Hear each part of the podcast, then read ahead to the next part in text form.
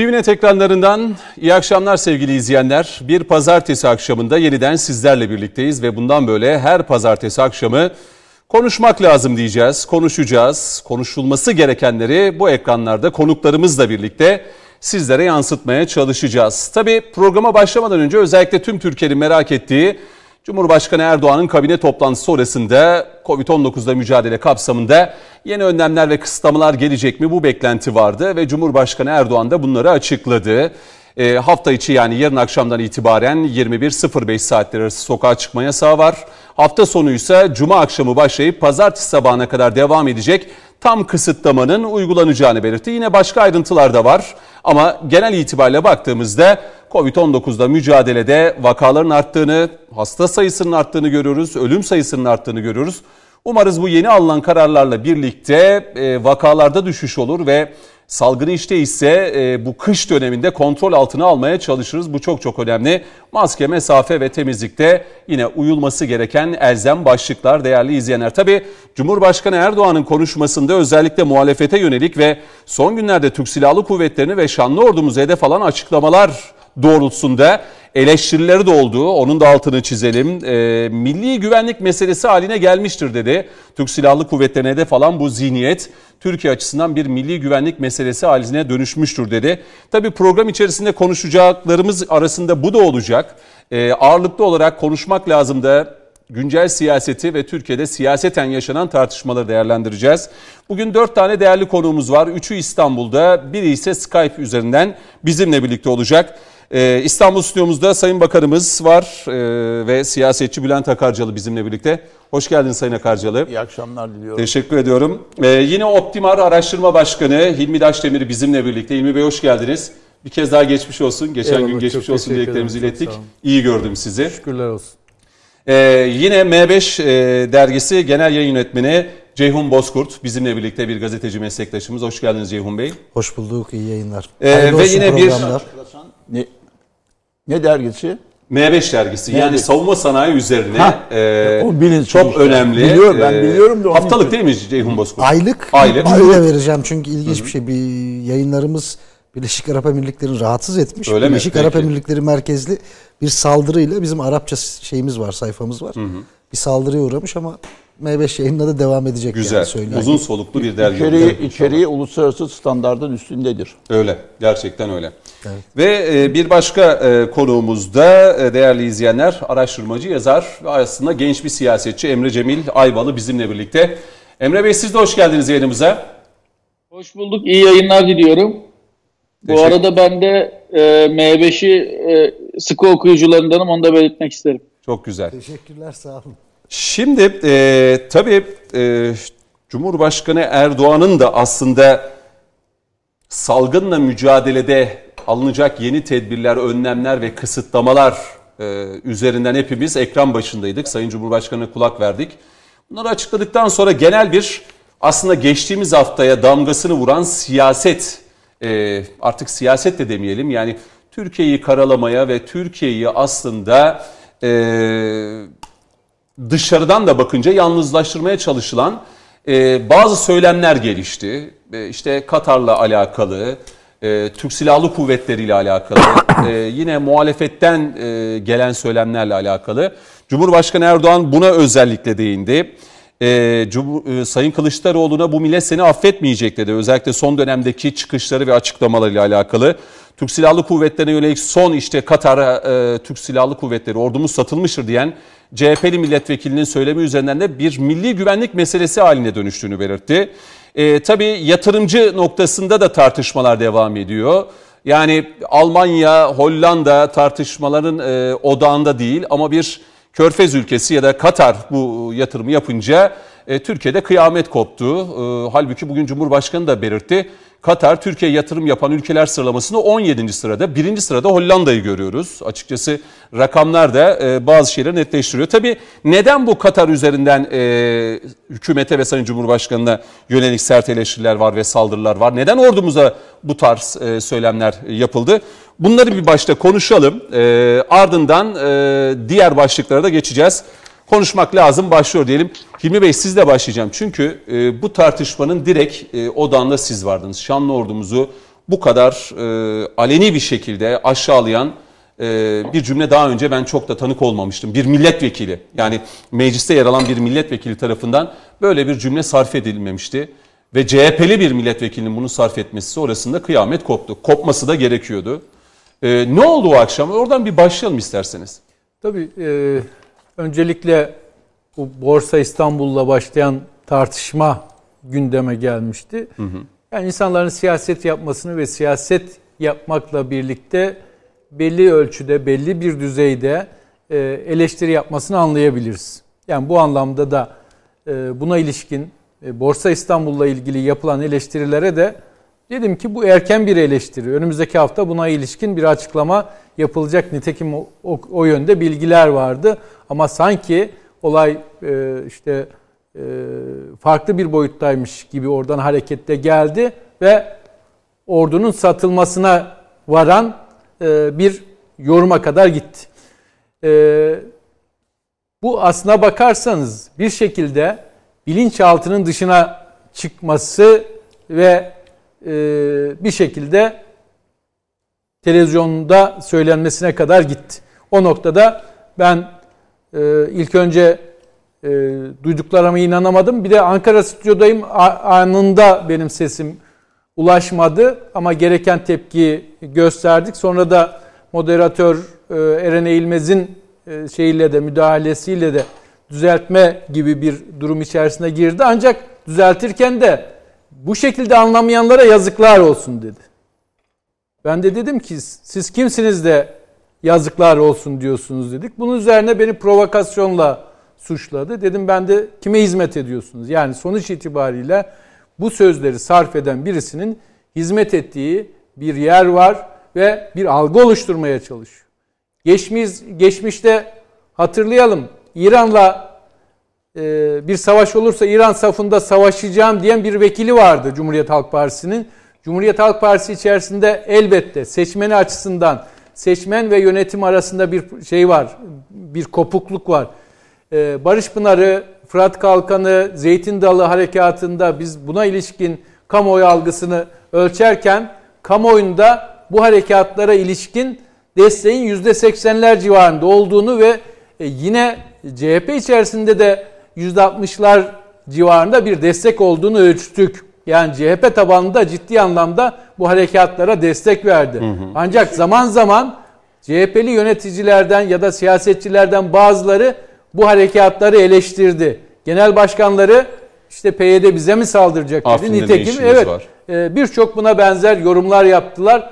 Ama yani bir zihniyet anlamda Türkiye'nin dönüştürülmeye ya da götürülmeye çalışıldığı bir istikamet var ve onun da bir takım taşeronları var. Bu taşeronlar e, kendilerine biçilen roller kapsamında rollerini e, oynuyorlar ama bu millet On... Ben sanki o programda siz tepki göstermeseydiniz moderatör de dahil herkes böyle sus pus kalacak gibi bir hava da vardı sanki.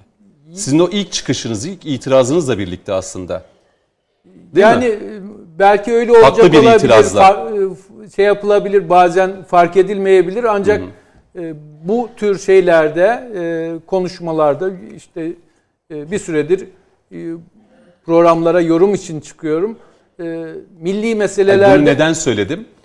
Ee, Çevik Öz'ün hani bu Azerbaycan'la evet. alakalı söylediğinde de yine aynı şekilde bu cümleleri sarf ederken belki moderatör ya da bir başka oradaki konuğun araya girip bir şer koyması gerekiyor, itiraz etmesi gerekiyor bu durumda. Kesinlikle Hı-hı. yani sonuç itibariyle bu tür meseleler milli meseledir.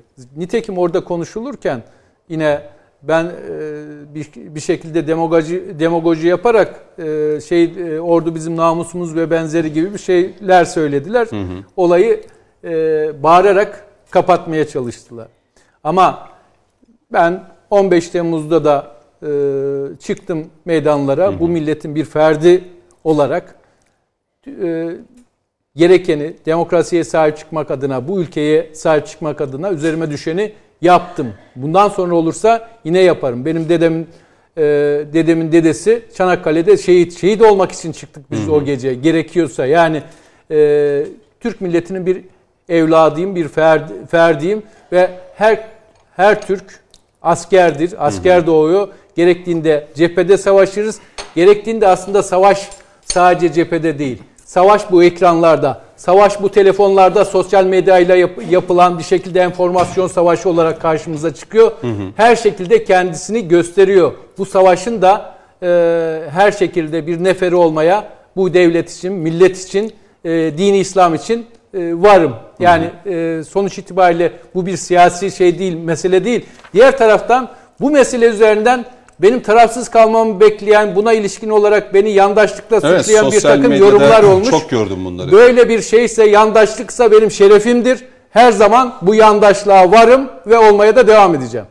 Şimdi bu çok garip bir durum. Yani Türk Silahlı Kuvvetleri ve orduya yönelik bir hakaret var, ağır bir hakaret ve bu konuda itiraz edip bunu da savunmak yandaşlığa girmeye başladı. Yani bir, bir hastalıklı bir psikolojiyle de karşı karşıyayız. Ee, e, çünkü e, yani şanlı ordumuz var. Yani bizi şu anda içeride ve dışarıda koruyabilecek bir Türk Silahlı Kuvvetlerimiz var ki kaç yıllık Sırf bizi değil. Azerbaycan Doğru, dahil yani olmak doğru, üzere. çevremizi, 2200 coğrafyamızı da.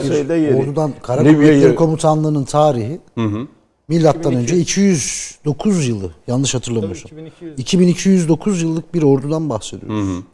Yani şimdi e, ben direkt girdim o şeye Tabii tabii vereyim. Yani Mesela şöyle söyleyeyim. en son, e, CHP'li vekil, Bak- vekil zaten- irticalen mi o cümle ağzından çıktı yoksa şimdi CHP'de buna Baba. benzer çok söylem var. Yani O sayı- o- saymakla bitmez. o vekilin ilk şeyi de değil. Biliyorum ilk vukuatı da değil. E, biliyorsunuz Akdeniz'de ne işimiz var diyen vekil de o vekil. Doğru. Cumhuriyet Halk Heyecanlı Partisi. da biraz. Yani heyecanlı mı? Şimdi kendisi ben bunu anlatmak istedim ama dedi işte yanlış anlattım dedi de ben e, bir milletvekiliyim. Özellikle de orduyla ilgili, Türk Silahlı Kuvvetleri ile ilgili bir konuda konuşurken bizler de mesela bakın ben sol siyasetten geliyorum. Yıllardır yıllarca sol siyaset Türk Silahlı Kuvvetleri'nin Türkiye'nin NATO üyeliğini eleştirmiştir ama bir gün bir tane e, solcu siyasetçinin Sayın Bakanım bizlerden çok tecrübeli. E, yılları takip etti biliyor. içinde bulundu siyasetin. Ama ben bir tane solcu siyasetçinin çıkıp Türkiye, Türk ordusu NATO'ya satıldı cümlesi kullandığını duymadım mesela. Bakın NATO üyeliğini eleştirmek başka. E, şeyi eleştirmek başka. E, ne diyelim? E, politikaları, kişileri eleştirmek başka. Şimdi 12 Eylül. 12 Eylül darbecilerini hep eleştirdik. Ama ne yaptık? Türk Silahlı Kuvvetleri'ni yine ayrı bir yere koyduk. Türk Si- Silahlı Kuvvetleri ne yaptı? Son 5 senede ne yaptı mesela? Bakın 24 Temmuz 2015'ten itibaren PKK'yı hendek ve barikatlara gömdü. 2016'da geçen Sayın Cumhurbaşkanı da açıkladı. Hayır geçen değil daha yarım saat öncesinde Sayın Cumhurbaşkanı dedi. Yani son 5 yılda e, ordumuzun neler yaptığına özellikle vurgu yaparak Açık söyleyeyim. Sayın bu- Cumhurbaşkanı'nın açıklamalarını dinlemeden sadece hızlı bir şekilde baktım. Aynen. Yani aklın yolu bir hesabı. 2016'da geçen Cumhurbaşkanı şeyde açıkladı. Bir yerde konuşma yaptı. Ee, Assubay Okulu mezuniyeti miydi? e, açılışı mıydı? Tam hatırlayamadım onu. Ee, önemli bir vurguydu. 15 Temmuz'un o işgal girişiminin püskürtülmesinde Türk Silahlı Kuvvetleri'nin içindeki o vatansever çoğunluğun mücadelesi çok etkili oldu. Bakın o tankları çalıştırmayanlar, o darbecileri, o kalkışmacıları, teröristleri durduranlar Türk içeride kışlaların içinde Türk Silahlı Kuvvetleri mensuplarıydı. Onu püskürttükten sonra bu ordu ne yaptı? Fırat Kalkanı Harekatı'nı yaptı. Sonra ne yaptı? Zeytin Dalı. Ondan sonra Mavi Vatan'da e, Yunanistan'ın ve arkasındaki emperyalist gücü e, o emperyalist çıkarlarına deyim yerindeyse darbeye indirdi. Yani o kumpaslarda e, hedef alınan komutanların mirasını aldı ve devam ettirdi Mavi Vatan'da. Arkasında ne yaptı? Bahar Kalkanı. E, Barış Pınarı özür dilerim. Barış Pınarı Harekatı. Yani içeride ve dışarıda terörizme karşı mücadele etti. İçindeki hainleri temizlemek için mücadele etti. Türkiye'yi belki de 100 sene, 50 sene, 100 sene geriye götürebilecek bir kalkışmayı engelledi. Şimdi bu ordunun kalkıp bu ordu satıldı cümlesi hiçbir şekilde kabullenilebilecek bir şey değil. Birinci boyut bu. İkinci boyut Cumhuriyet Halk Partisi'ni konuşmamız lazım. Şimdi siyaset muhalefetiyle iktidarıyla eee, bir ne diyelim bir bütün olarak düşünülmesi gereken ve ayrılmaz parçasıdır aynı zamanda. Olmazsa olmazıdır. Muhalefet gerekli. Eleştiri gerekli. Eksiği göstermek bakımından, e, yanlışı uyarı anlamında uyarmak bakımından gerekli. Ama muhalefet şu demek değildir. Siyasetin üstünde konular vardır. Dediğim gibi yani ben burada Sayın Bakanım dediğim gibi daha tecrübeli olarak siyaseti değerlendirecektir ama e, şimdi burada geçmiş CHP yönetimlerine baktığımızda Türkiye'nin terörle mücadelesinde, Türkiye'nin e, beka konularında ortak bir tavır alma konusunda hemen harekete geçen bir tutum içindeydi. Bugün bakıyoruz Akdeniz'de ne işimiz var dedi bu vekil, vekil hiçbir şey olmadı. Ordu satıldı dedi yine bir şey olmayacak gibi. Şu an bir şey var mı? Ben de Bir hani disiplin sü- takip süreci- edebildiğim kadarıyla Benim takip ettiğim kadarıyla bir disiplin Var mı? süreci Bilmiyorum. başlamadı. Ünal Yok değil mi? De bir şey olmadı. Ünal Çünkü Çeviköz'de de bir şey olmadı. Şimdi Cumhuriyet Halk Partisi'nin mevcut yönetiminin politikalarını da ele almak lazım. Belki ilerleyen dakikalarda Mutlaka onları da konuşalım. konuşacağız. Belki ilk o Biden, Biden'a selamlamalar, ondan Tabii ki, sonra tabii ki. diğer şeyler. Yani e, bir boyutu da bu. Bu parti hep vurguluyoruz. Bu parti Mustafa Kemal Atatürk'ün partisi. Kurucusu olduğu parti.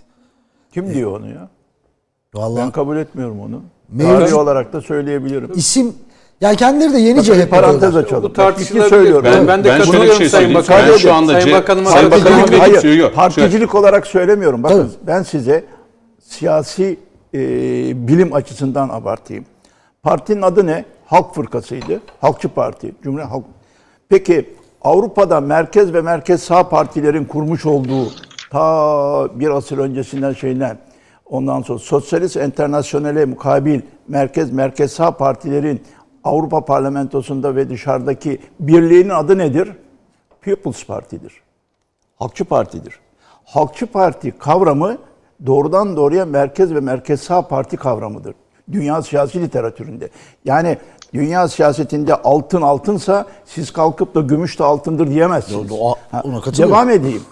Bugün Avusturya'daki merkez merkez sağ partinin adı Volkspartei'dir. Volks- Volkswagen'den halk arabasıdır. Halk Partisi'dir. İtalya'daki merkez merkez sağ partisinin adı Parti Popülare'dir. Yani halkçı partidir. Dolayısıyla Mustafa Kemal Atatürk tamam mı bir ideolojist değildi. Çünkü görmüştü. Faşizmi görmüş, komünizmi görmüş mü bunlardan hiçbir şey çıkmayacağını biliyor.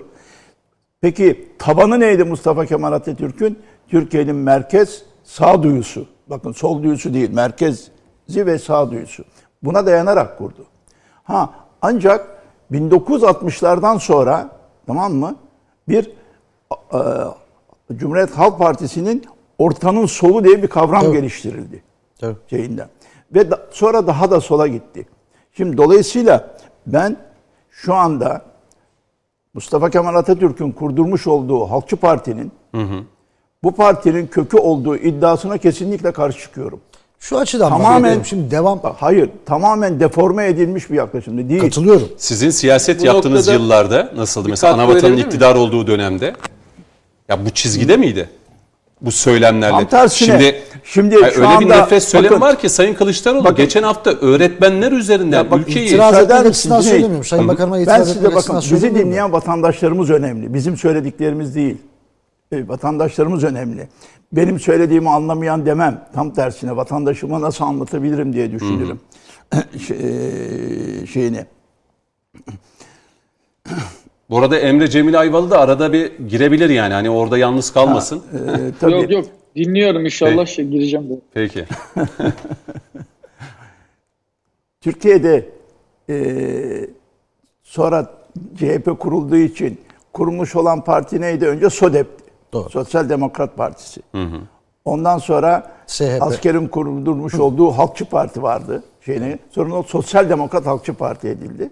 Sosyal Demokrat Halkçı Parti daha sonra e, Deniz Baykal e, CHP'yi kurunca orayla 95 bütünleşti. yanlış hatırlamıyorsam. Peki bu 95 2000'lere geldiğimizde CHP'nin durumu nasıldı? Ben belirteyim şimdi.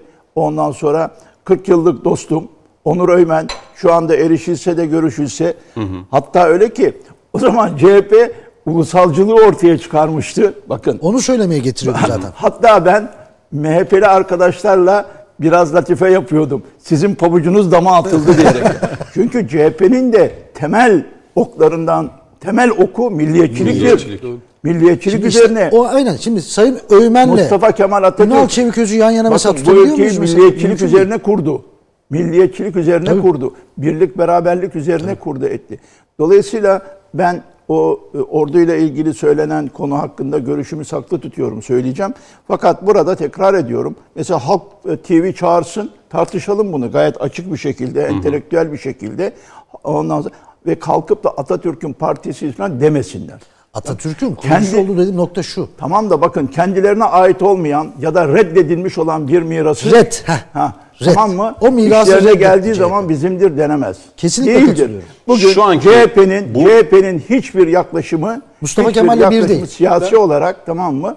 Mustafa Kemal'in kurmuş olduğu Halkçı Partisi şeyinde değil. Değil. Elimde belgeler bak. Yani Bir tarihe cümle bakalım. İlmi, İlmi Daşdemir. Sayın Bakanıma katkı vereyim. Ben de bir buçuk yıl önce e, yine Habertürk'te bir e, programda e, yine CHP'li eski bir vekil biz bu ülkenin kurucusu kurucu partisiyiz dedi. Ben de itiraz ettim.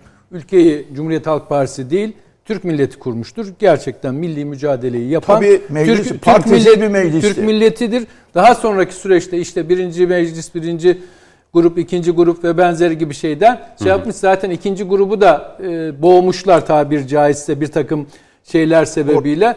E, Emre Cemil de tabi bu arada yönünü şoş, e, şaşıran ok diye yanılmıyorsam kitabın adı öyle. Bu konuyu e, çalışmış, e, kitabını yazmış birisi.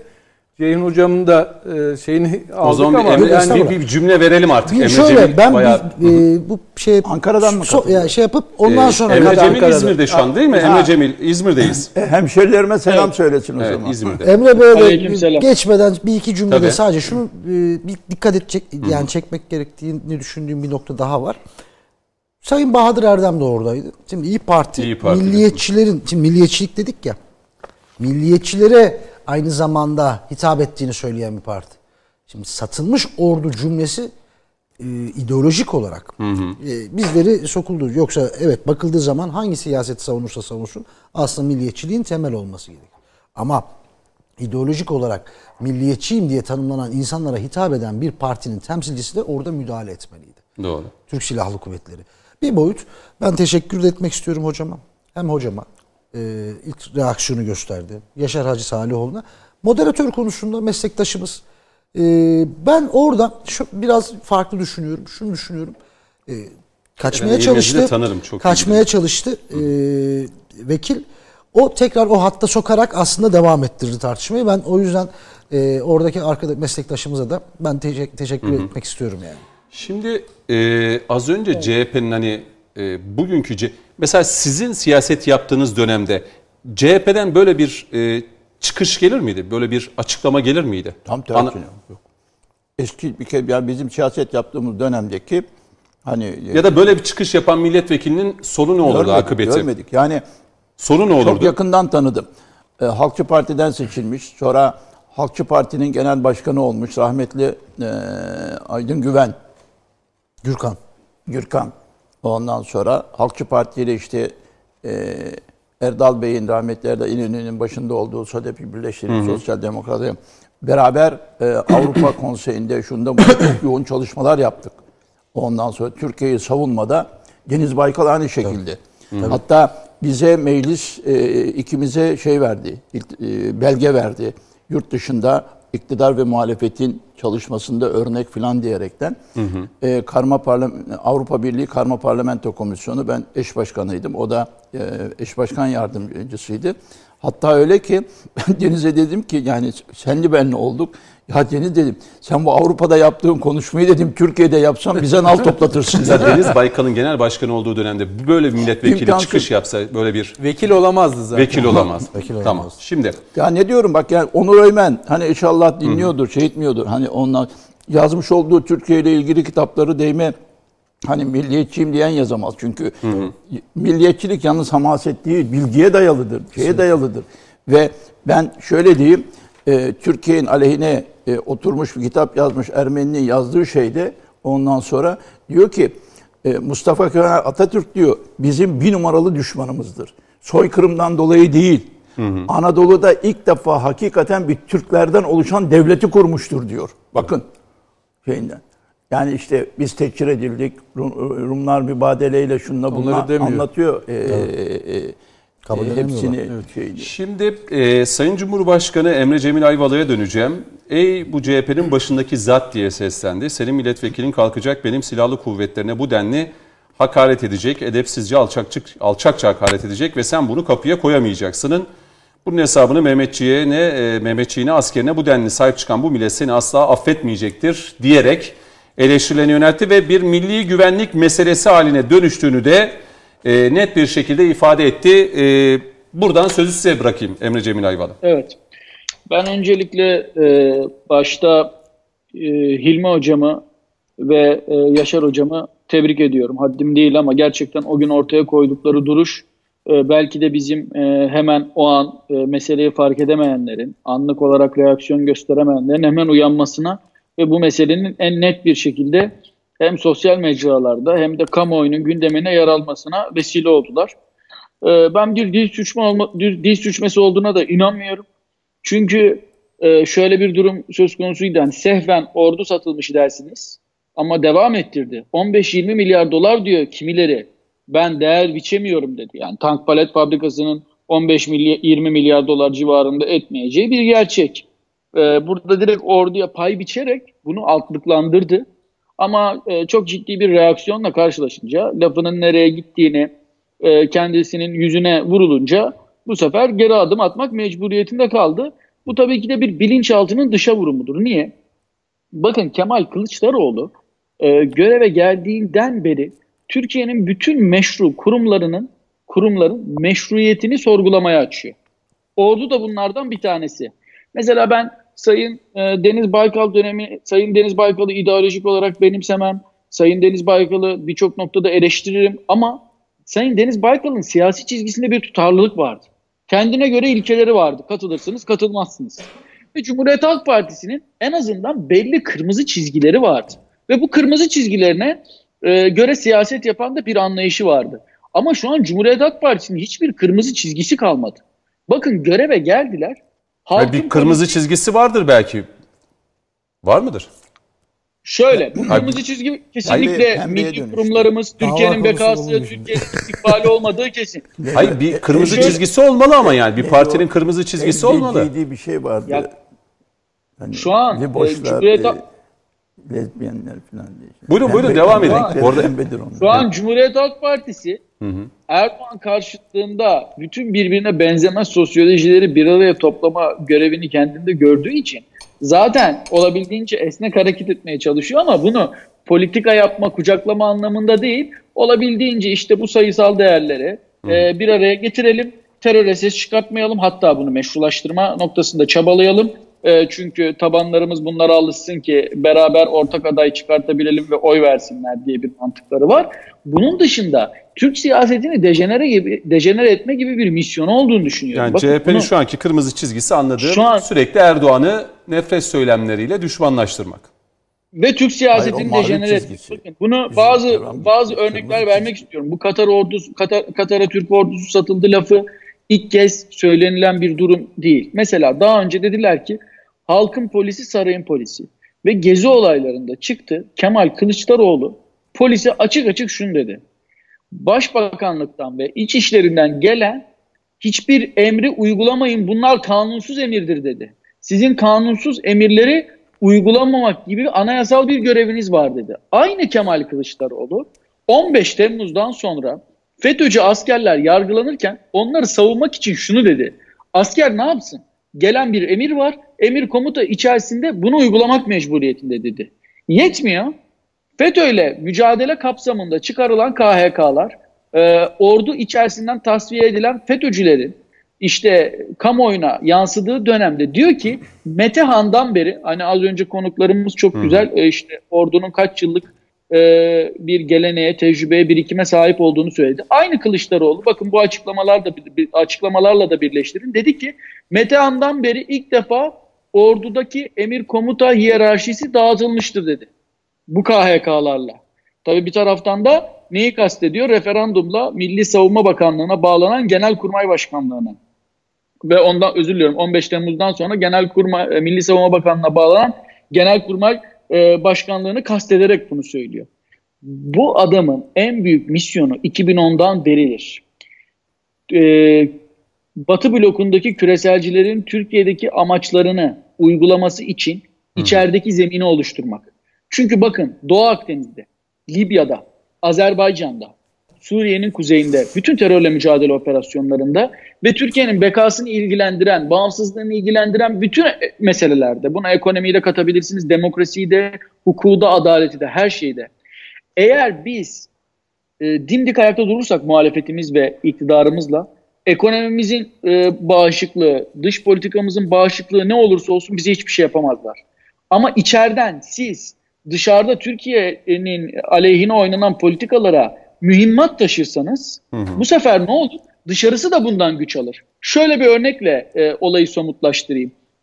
E, hocalarım daha iyi bilir. Bakın Suriye meselesi özellikle Fırat Kalkanı Harekatı meselesi artık 15 Temmuz'dan sonra bizim sabrımızın taştığı ve artık ne olursa olsun reaksiyona geçtiğimiz bir dönemdi. Ve artık oraya DAEŞ gelmişti, yuvalanmıştı, PKK, PYD yuvalanmıştı ve gerçekten işimiz 2013-2014'lere kadar çok zordu. Çünkü 2013-2014'te ne DAEŞ ne PKK bu kadar Suriye'nin kuzeyinde güçlüydü. Ama ne yaptılar o dönem? Ne zaman biz milli çıkarlarımız doğrultusunda terör örgütüne karşı bir hamle yapmaya başladık? Hemen Türkiye DAEŞ'i destekliyor yalanını söylediler. Kim söyledi? Cumhuriyet Halk Partisi'nin genel başkanı Kemal Kılıçdaroğlu. Ne oldu? Ondan sonra bunu CIA temsilcileri ve e, Birleşmiş Milletler'deki temsilcilere kadar gidip bize bu noktada küstah açıklama ve dayatmalarda bulundular. Sanki o bu kadar... anlattıklarınızdan şunu gerçi geçtiğimiz hafta yaşandığında bunu dile getirmiştim sıcağı sıcağına konuğumla konuşurken Eray Hoca ile Eray Güçler'le. Sanki geçen hafta gemide yapılan arama sonrasında da pusuya yatmış evet. birileri vardı gibi. Şimdi şu, aynen ona bağlayacağım. Hı hı. Şimdi bakın, düşünün o zaman içeride zaten bir FETÖ yapılanması var sonradan anladığımız üzere ki tasfiye edildi. Yani bir iktidarın durumunu düşünün ve muhalefet size diyor ki sen DAEŞ'e yardım ediyorsun, Lahey'de yargılanacaksın. Dış basında da bu açıklamalar bir mühimmat olarak kullanılıyor ve inanılmaz bir kamuoyu algısı üretiliyor ve sen ister istemez yaşadığın e, bu durumdan dolayı çünkü siyaseti bir belli noktada kamuoyuna ve elin, kamuoyuyla ve elindeki imkanlarla götürüyorsun. Türkiye o dönem belki atıp adım, adım atıp çok daha rahat mevzi ede, elde edebileceği konularda ne yaptı? Politikasını ertelemek mecburiyetinde kaldı. Şimdi bugün ama Türkiye güçlendi. Ordudaki e, hainler temizlendi ve e, ne oldu? Çok ciddi bir mavi vatan noktasında, Suriye'nin kuzeyinde terörle mücadele noktasında verdiğimiz e, bütün e, harekatlarda işte kamuoyu algısı, vatandaş desteği tamamen arkamızda ve Türkiye çok daha güçlü. Bakın ne oluyor? İşte Almanya'nın bize orada e, adeta bize haydut devlet e, ilan etmek için yaptığı bütün provokasyonlar ters yapıyor. İnandırıcılığını kaybediyor. E, ne onlar muvaffak olabiliyor ne de eskisi gibi e, bu tarz e, siyaseti veya dış politikamızı dejenere etmeye yönelik harekatları amacına ulaşıyor.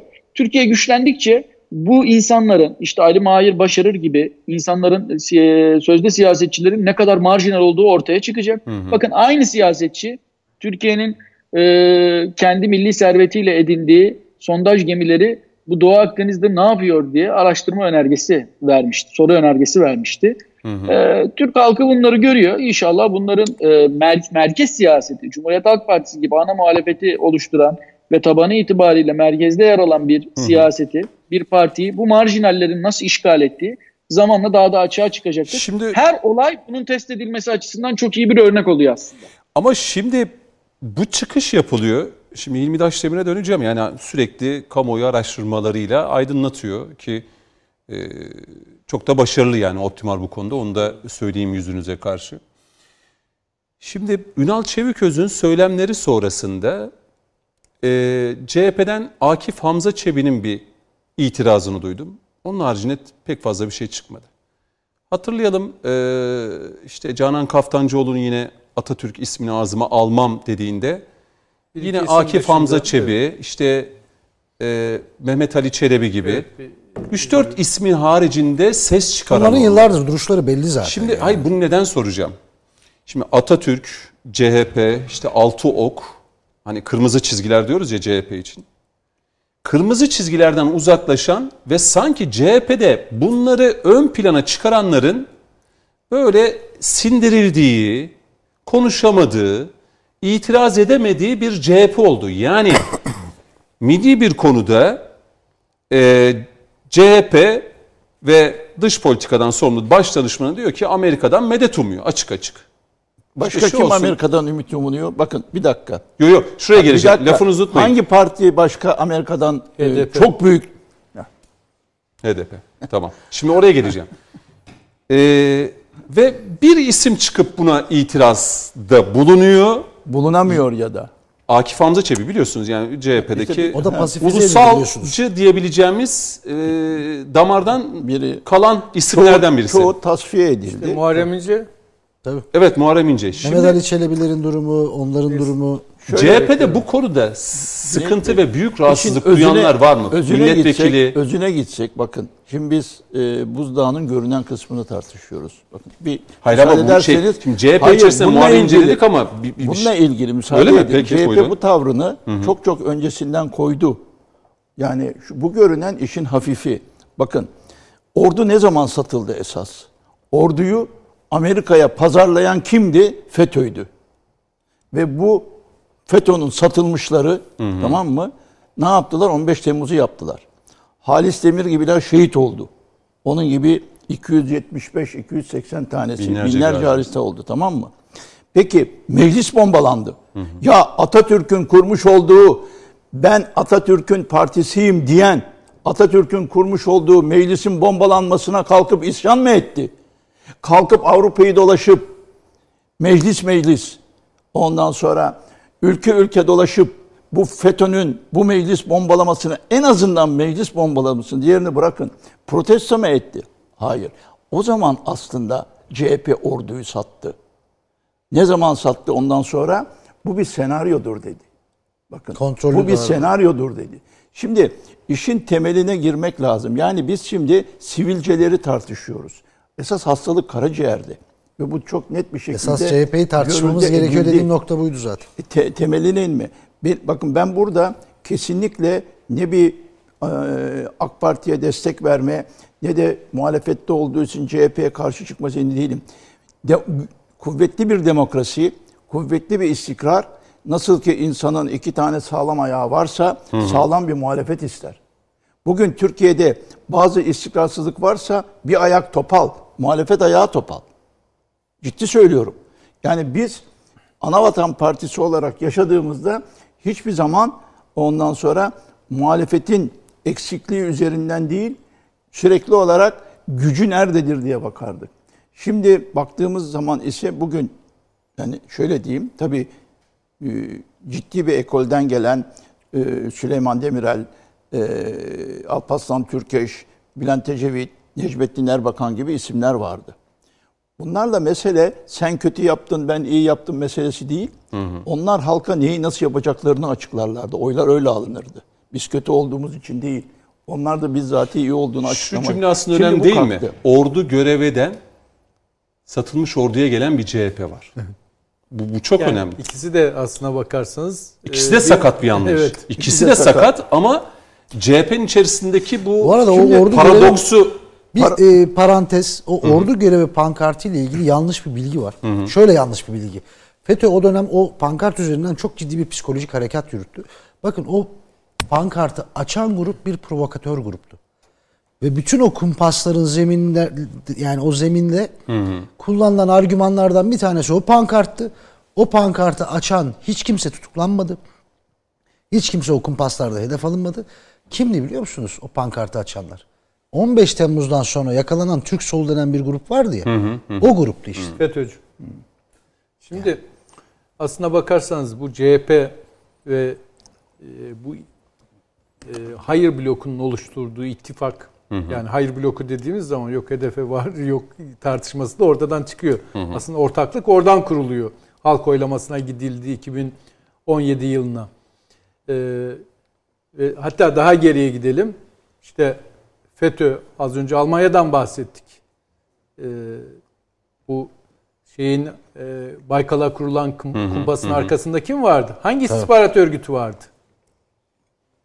FETÖ'cüler en çok şu an hangi ülkedeler? Almanya'da. Yani sonuç itibariyle bunların hepsi uzun uzun üzerinde çalışılmış ve e, şu an ilmek ilmek dokunan bir süreç. Herkes rolünü oynuyor.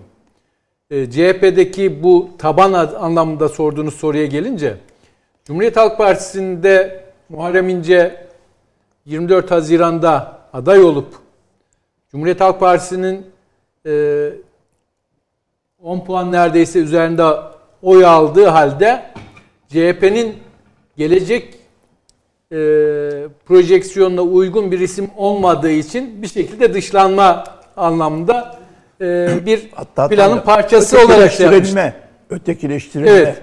Ee, 24 Haziran sonrası Muharrem İnce çıkıp e, işte aday olmak istedi. Kurultay toplanmadı. Ee, biz daha önceki adaylığı sürecinde e, işte kim aday olsun diye sorduğumuzda, kim genel başkan olsun diye sorduğumuzda e, bu dil sürçmesidir. Öteki dil sürçmesi değildir. Yani e, diye sorduğumuzda aralarında iki puan vardı. Bir partinin başkanıyla herhangi bir parti üyesi ya da partide etkin bir pozisyon üstlenen birisi arasında ya da bir belediye başkanıyla belediye başkanı adayı arasında bariz fark olur yapılan araştırmalarda. Neden? Çünkü diğeri çok tanınmıştır. E, partinin e, yüzüdür. Kurumsal kimliğidir. Diğeri de ona göre biraz daha az tanımlı, tanınmıştır. Nitekim e, en son yapılan kurultayda da yaptığımız araştırmada Muharrem İnce genel başkan olsun diyenler %41 çıkarken Kemal Kılıçdaroğlu diyenler %28.7 olarak çıkıyordu.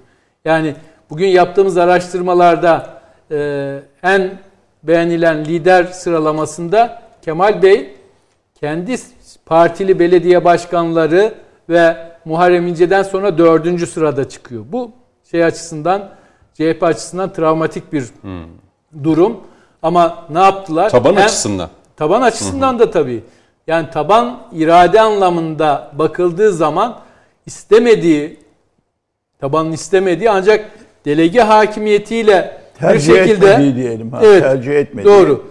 Dele, delege hakimiyetiyle bir şekilde partide iktidarı ele geçiren birisi tarafından orada varlığını sürdürüyor. Ee, iki parti de yakın zamanda kurultay ve kongresini yaptı ve ondan sonra bir takım tartışmalar başladı. Ee, Cumhuriyet Halk Partisi'nde e, kurultay sonrası süreçte muhtemelen Muharrem İnce kurultaya baktı. Orada herhangi bir şekilde e, bir şey olacak mı? E, bir hareket olacak mı? E, kendisi ya da arkadaşları partide temsil edilecek mi? Onu muhtemelen bekledi. Oradan bir şey gelmeyince de bir şey olmayınca da e, bir memleket hareketi dendiği bir hareket başladı. Nitekim o hareketi o başlattıktan sonra e, Kemal Bey, e, Babacan ve Meral Hanım da memleketi dolaşmaya başladılar. Hatta bir de kim takıldı o e, şeye ekibe? Davut Bey. Yok bir tane daha var en son. Şimdi Türkiye Değişim Partisi şey Mustafa Evet. Sarıgül'ü diyor. Mustafa Sarıgül. Evet, Sarıgül herhalde onlardan daha hızlı e, şey yapacak. E, belki o Öyle da hızlı gözüküyor. bir şekilde. Zaten altyapısı şey vardı o hareketin. Türkiye Değişim Hareketi evet. diye. E, şunu şunu söylemeye çalışıyorum. Partiler her iki parti de İyi Parti açısından da orada da büyük kavga, kavga var. Yani sonuçta bir taraftan FETÖ, bir taraftan da anayasa üzerinden giden bir e, kavga var ve e, partinin milletvekilleri, etkin isimleri sürekli ya istifa ediyor. Birisi ihraç edildi gerçi ama iddialar oldukça ciddi. E, bir yere doğru e, bir rota çizilmiş gidiyorlar. E, Muharrem İnce e, 24 Haziran'da ben varım e, demeseydi muhtemelen Abdullah Gül'ü aday olarak karşımıza çıkaracaklardı. Ben şeyi çok merak ediyorum Hilmi Bey. Yani CHP tabanında seçmene var mı böyle şu anki CHP yönetim yönetiminden rahatsızlık duyan oran nedir? Var onları ben e, Çok merak ediyorum. Yani Yani burada bile yani şu cidden merak ediyorum. Yani şu anki CHP'nin mesela bu söylemleri, bu tarz politikaları, Genel Başkan Kılıçdaroğlu'nun mesela geçen haftaki grup toplantısında bu bu Öğretmenler. iktidara oy veren öğretmenler benim gözümde öğretmen değil. Yani bu, bu Olacak şey değil. Yani böyle böyle bir şey değil. Şimdi bunu neden Hayır, söylüyorum? bu tam ya CHP'li de bu iktidar yani CHP yani örnek yani vermemiş midir? Vermiştir. Yani CHP'ye oy verip de bu iktidara oy veren seçmen de olmuş. yani şimdi- sandıkta şimdi değişebilir bu- ama bu, bu ülkede öğretmene, savcıya yani bu iş başka yerlere gider. Kesinlikle. Bu ülkede nedense bir kamplaşmadan, bir kutuplaşmadan bahsediyor birileri. En çok- CHP en çok- tabanı en çok- bundan rahatsız en- mı? En çok Bu yönetimden. rahatsız oldukları belli. Be- te- tercihlerinden belli. Muharrem İnce'yi tercih etmelerinden Öyle genel başkan olarak değil. hani e, şimdi yılların siyasetçisi olan Mustafa Sarıgül de bu tabanın içinden geldiğine göre Evet. hem CHP'de hem DSP'de hani bulundu etti şey etti. O tabandaki rahatsızlığı hissetmese Mustafa Sarıgül kalkıp e, merkez sağdan mı oy toplamaya gidecek? Gerçekçi olalım. Merkezden ve Ama esas şimdi şöyle bir şey soldan. var. Cüneyt Bey bir ilavede bulunabilir miyim Tabii. bu konuda? Tabii. Tabii. Şimdi e, mesela son dönemde Fransa dış politikada çok e, saçmalıyor yani. Hiç lafa eğip bükmeye gerek yok. İşte Macron e, Lübnan'da çuvallıyor, Libya'da çuvallıyor, Azerbaycan'da çuvallıyor. İşte oyuna girmek için, topa girmek için açıklamalar yapıyor. Ama bir türlü muvaffak olamıyor. E, bir ne e, siyaseten bir algı anlamında sonuç alabiliyor ne de sahada ve işte Fransa'ya yarayacak herhangi bir e, somut adım atabiliyor. Biz de diyoruz ki ya yılların Avrupa Birliği e, ülkeleri, Fransa gibi işte e, kaç yüzyıllık devlet nasıl bu hataları yapabiliyor diyoruz. Bunun çok basit bir açıklaması var. Bir, sahada artık eskisi kadar başarılı değiller. Ve Türkiye o Libya'da Münasır Ekonomik Bölge Anlaşması'nı yapınca bütün oyunları bozuldu. Ve e, bizim işte bu e, bütün e, başarıya ulaştığımız yerlerde ister istemez o başarısızlık bir öfkeye dönüşüyor ve o öfke plansız, programsız, e, anlık panikle bütün tuşlara e, hani birisi basar ya o tarz politikalar üretmelerine, söylemlerde bulunmalarına yol açıyor. İşte buna İslamofobi, ırkçılığa teslim olmaları, merkez siyaseti ırkçılığa teslim etmeleri artık o sıkışmışlık, o yönetilememezlik sonucunda ortaya çıkan savrulma. Şimdi aynısı içerideki şubeleri içinde geçerli. Şimdi siz gezi olaylarını yapıyorsunuz, olmuyor. 6-8 Ekim olaylarını yapıyorsunuz, olmuyor. MİT tırlarını doldurup Türkiye'yi terör örgütlerine yardım ve yataklık yapan haydut bir devlet olarak göstermek istiyorsunuz, olmuyor. Referandum oluyor, seçimler oluyor, iktidar partisi kazanıyor. Ya pandemi oluyor, e, ekonomik dış saldırı oluyor ve bir türlü e, ne araştırmalarda ne de seçimlerde oyları düşmeyen bir e, Cumhur İttifakı ve Recep Tayyip Erdoğan var. Dolayısıyla ne oluyor? Bu bir öfkeye dönüşüyor. Öfkelendiğiniz an, öfkeniz e, sizi artık kontrol etmeye başladığı an sizin ağzınızdan her söz çıkar. Gazetecileri tasniflersiniz, makbul olan gazeteciyi siz belirlersiniz, makbul olmayanı dışlarsınız. Sanatçılara her türlü hakaret edersiniz. Öğretmenlere her türlü hakaret edersiniz. Çiftçiye de daha önce etti. Şimdi di- kızıyor, çiftçiye, muhtara kızıyor. Kaç defa grup toplantılarında bunları oy verenlere e, benim söyleyecek hiçbir sözüm yok minvalinde akla hayale gelmeyecek sözler sarf etti. Bu nasıl e, küresel ve bölge, bölgesel türbülansa yol açan ama Türkiye'den en net cevabı alan ülkeler savrulmuş bir şekilde karşımıza absürt politikalarla geliyor ve muvaffak olamıyorlarsa aynı şekilde içerideki şubeleri de e, içerideki birçok indikatöre rağmen iktidar partisine bir şey olmamasına, Cumhur, Cumhur İttifakı'na bir şey olmamasından dolayı öfkeyle bu tarz bizim bir türlü mantık çerçevesini oturtamadığımız söylemlerde bulunuyorlar. Ben biraz da buna yoruyorum. Evet. Mantık çerçevesinde biraz Tabii. anlatayım mı? Ee, şöyle, şimdi Cumhuriyet Halk Partisi'nin yönetimi geldiğinden itibaren şimdi karşısında bir rakip var. Bu rakip hani Muharrem İnce'nin ifadesi yenmiş de yenmiş, yenmiş de yenmiş yani. Her seçimde gelmiş seni yenmiş bir şekilde. Ee, hocam o zamanı belki takip etmiştir. Deniz Baykal'ın belki de en çok yaklaştığı dönem Deniz Baykal'ın belki de o dönem işte e, o Habur meselesinden dolayı açılım süreçleri falan filan çok ciddi tartışmalar var. E, Cumhuriyet Halk Partisi'nin bir anlamda o dönem yükseldiği dönem o. Onun dışında hep seçim yenilgileri. Artı Cumhuriyet Halk Partisi'nin artık farklı bir raya oturması gerekiyor. Belli bir güç tarafından. O operasyon boşuna yapılmadı. İşte az önce Sayın Bakanım e, Onur Öymenleri hatırlattı. O dönemdeki kadroyu hatırlattı.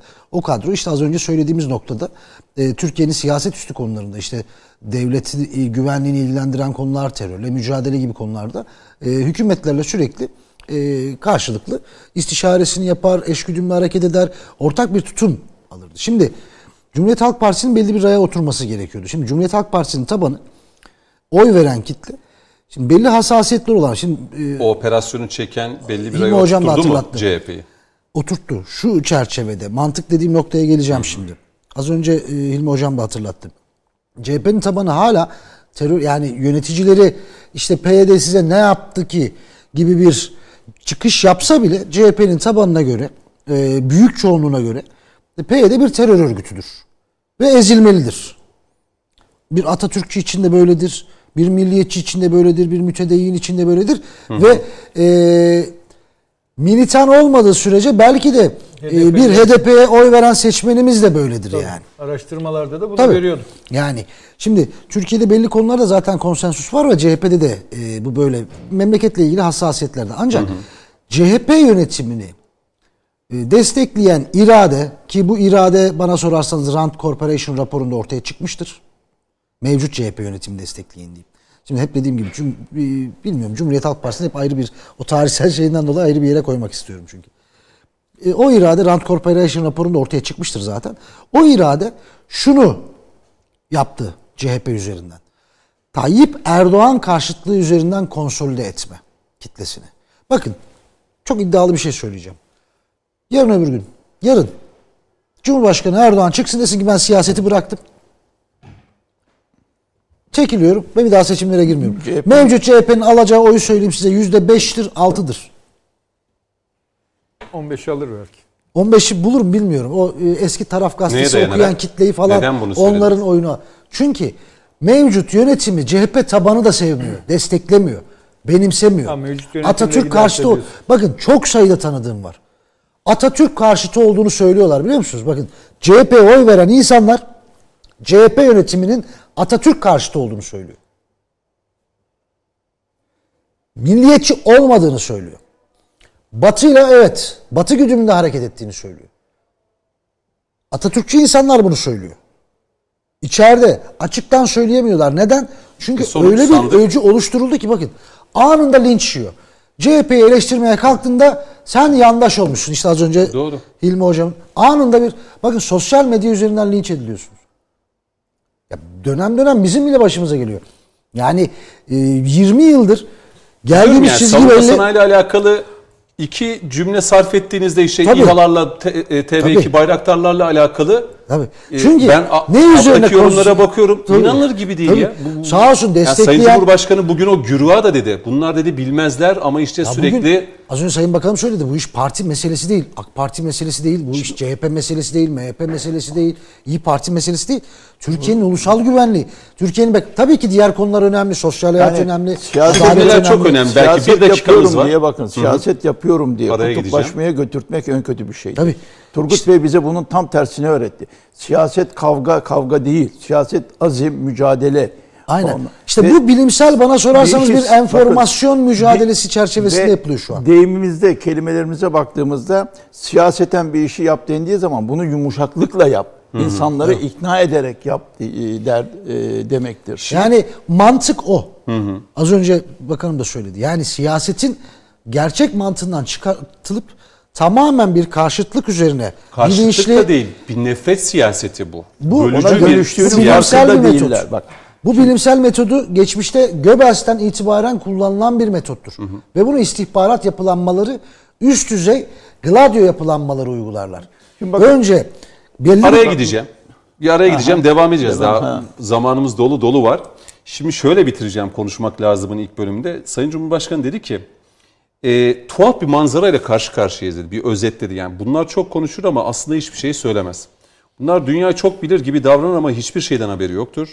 Bunlar sürekli bağırır ama hiç dinlemez. Bunlar demokrasiyi milletin iradesine değil yurt dışına gelen sinyallerden arar dedi. Ve ardından siyaseten tartıştığımız konulardaki eleştirilerini de bir bir sıraladı. İşte Genel Başkan'a, Mahir Başarı'nın Türk ordusu satılmıştır diye.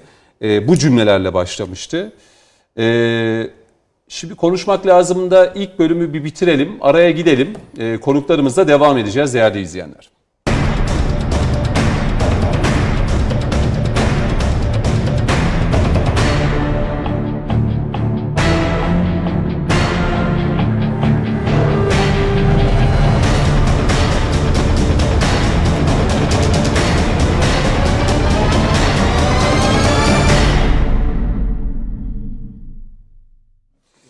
Evet konuşmak lazım devam ediyor. İkinci bölüme başlıyoruz. Ceyhun Bozkurt, Emre Cemil Ayvalı, Bülent Akarcalı ve Hilmi Daşdemir konuklarımız değerli izleyenler. İlk bölümde tabii CHP'li Mahir Başarır'ın e, Türk Silahlı Kuvvetleri'ne ve Türk ordusuna yönelik hakareti, bu söylemi e, üzerinden konuştuk. Şimdi bu ikinci bölümde başka e, başlıkları da e, konuşacağız ve değerlendireceğiz. Tabii bu bölüme Emre Cemil Ayvalı ile başlamak istiyorum. Şimdi tabii bu söylemler... E, Sonrasında e, yani Millet İttifakı İlmi Daşdemir'e de döneceğim belki önümüzdeki dakikalarda.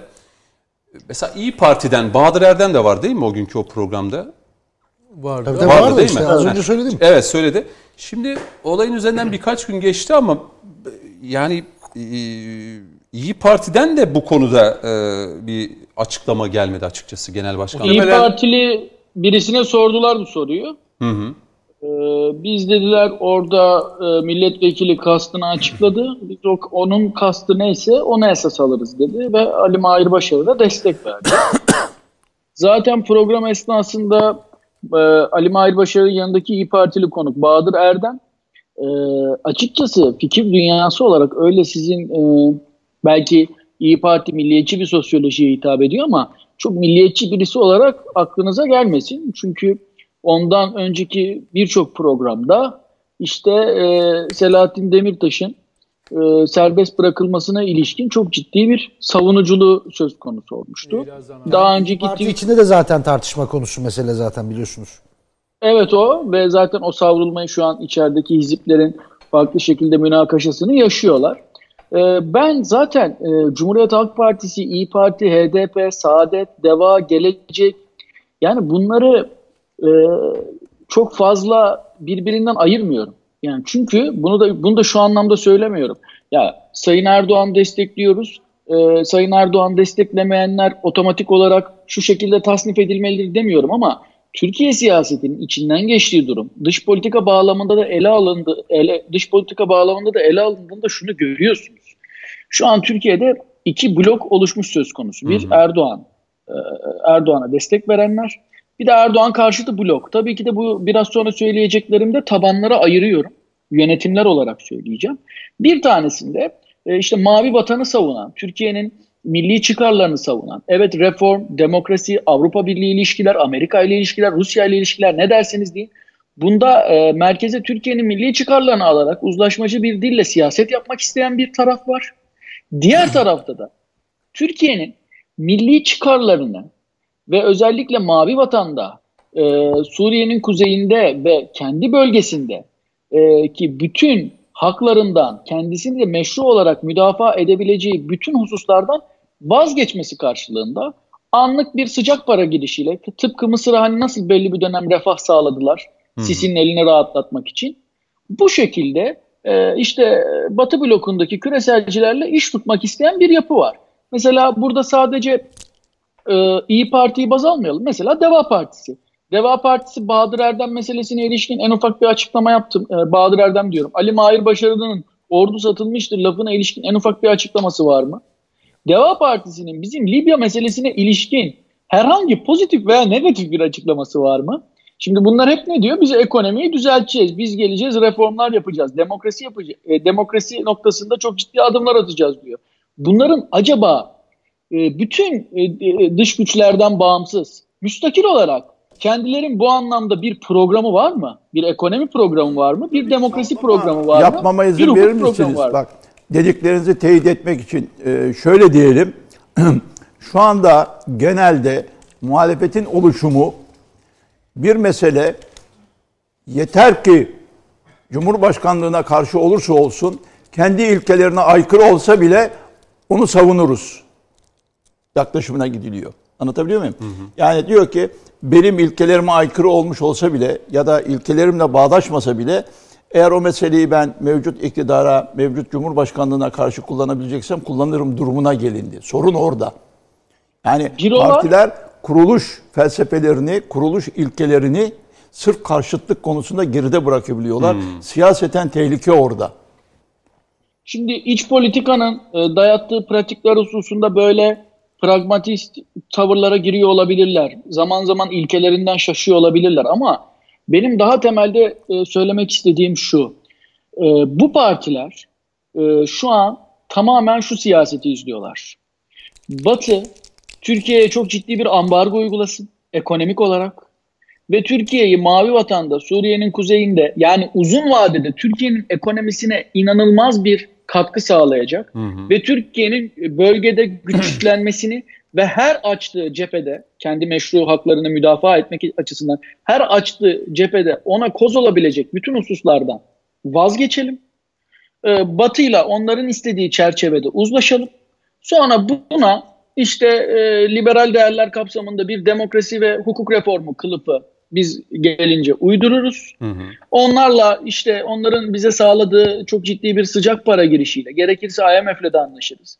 İşte yüksek faiz, düşük kur kapsamında e, ithal ikameci politikalarla ilerleriz ve Türkiye'yi kendi işte orta gelir e, tuzağına hapsolmuş bir şekilde ne uzalan ne kısalan bir şekilde götürürüz istiyorlar.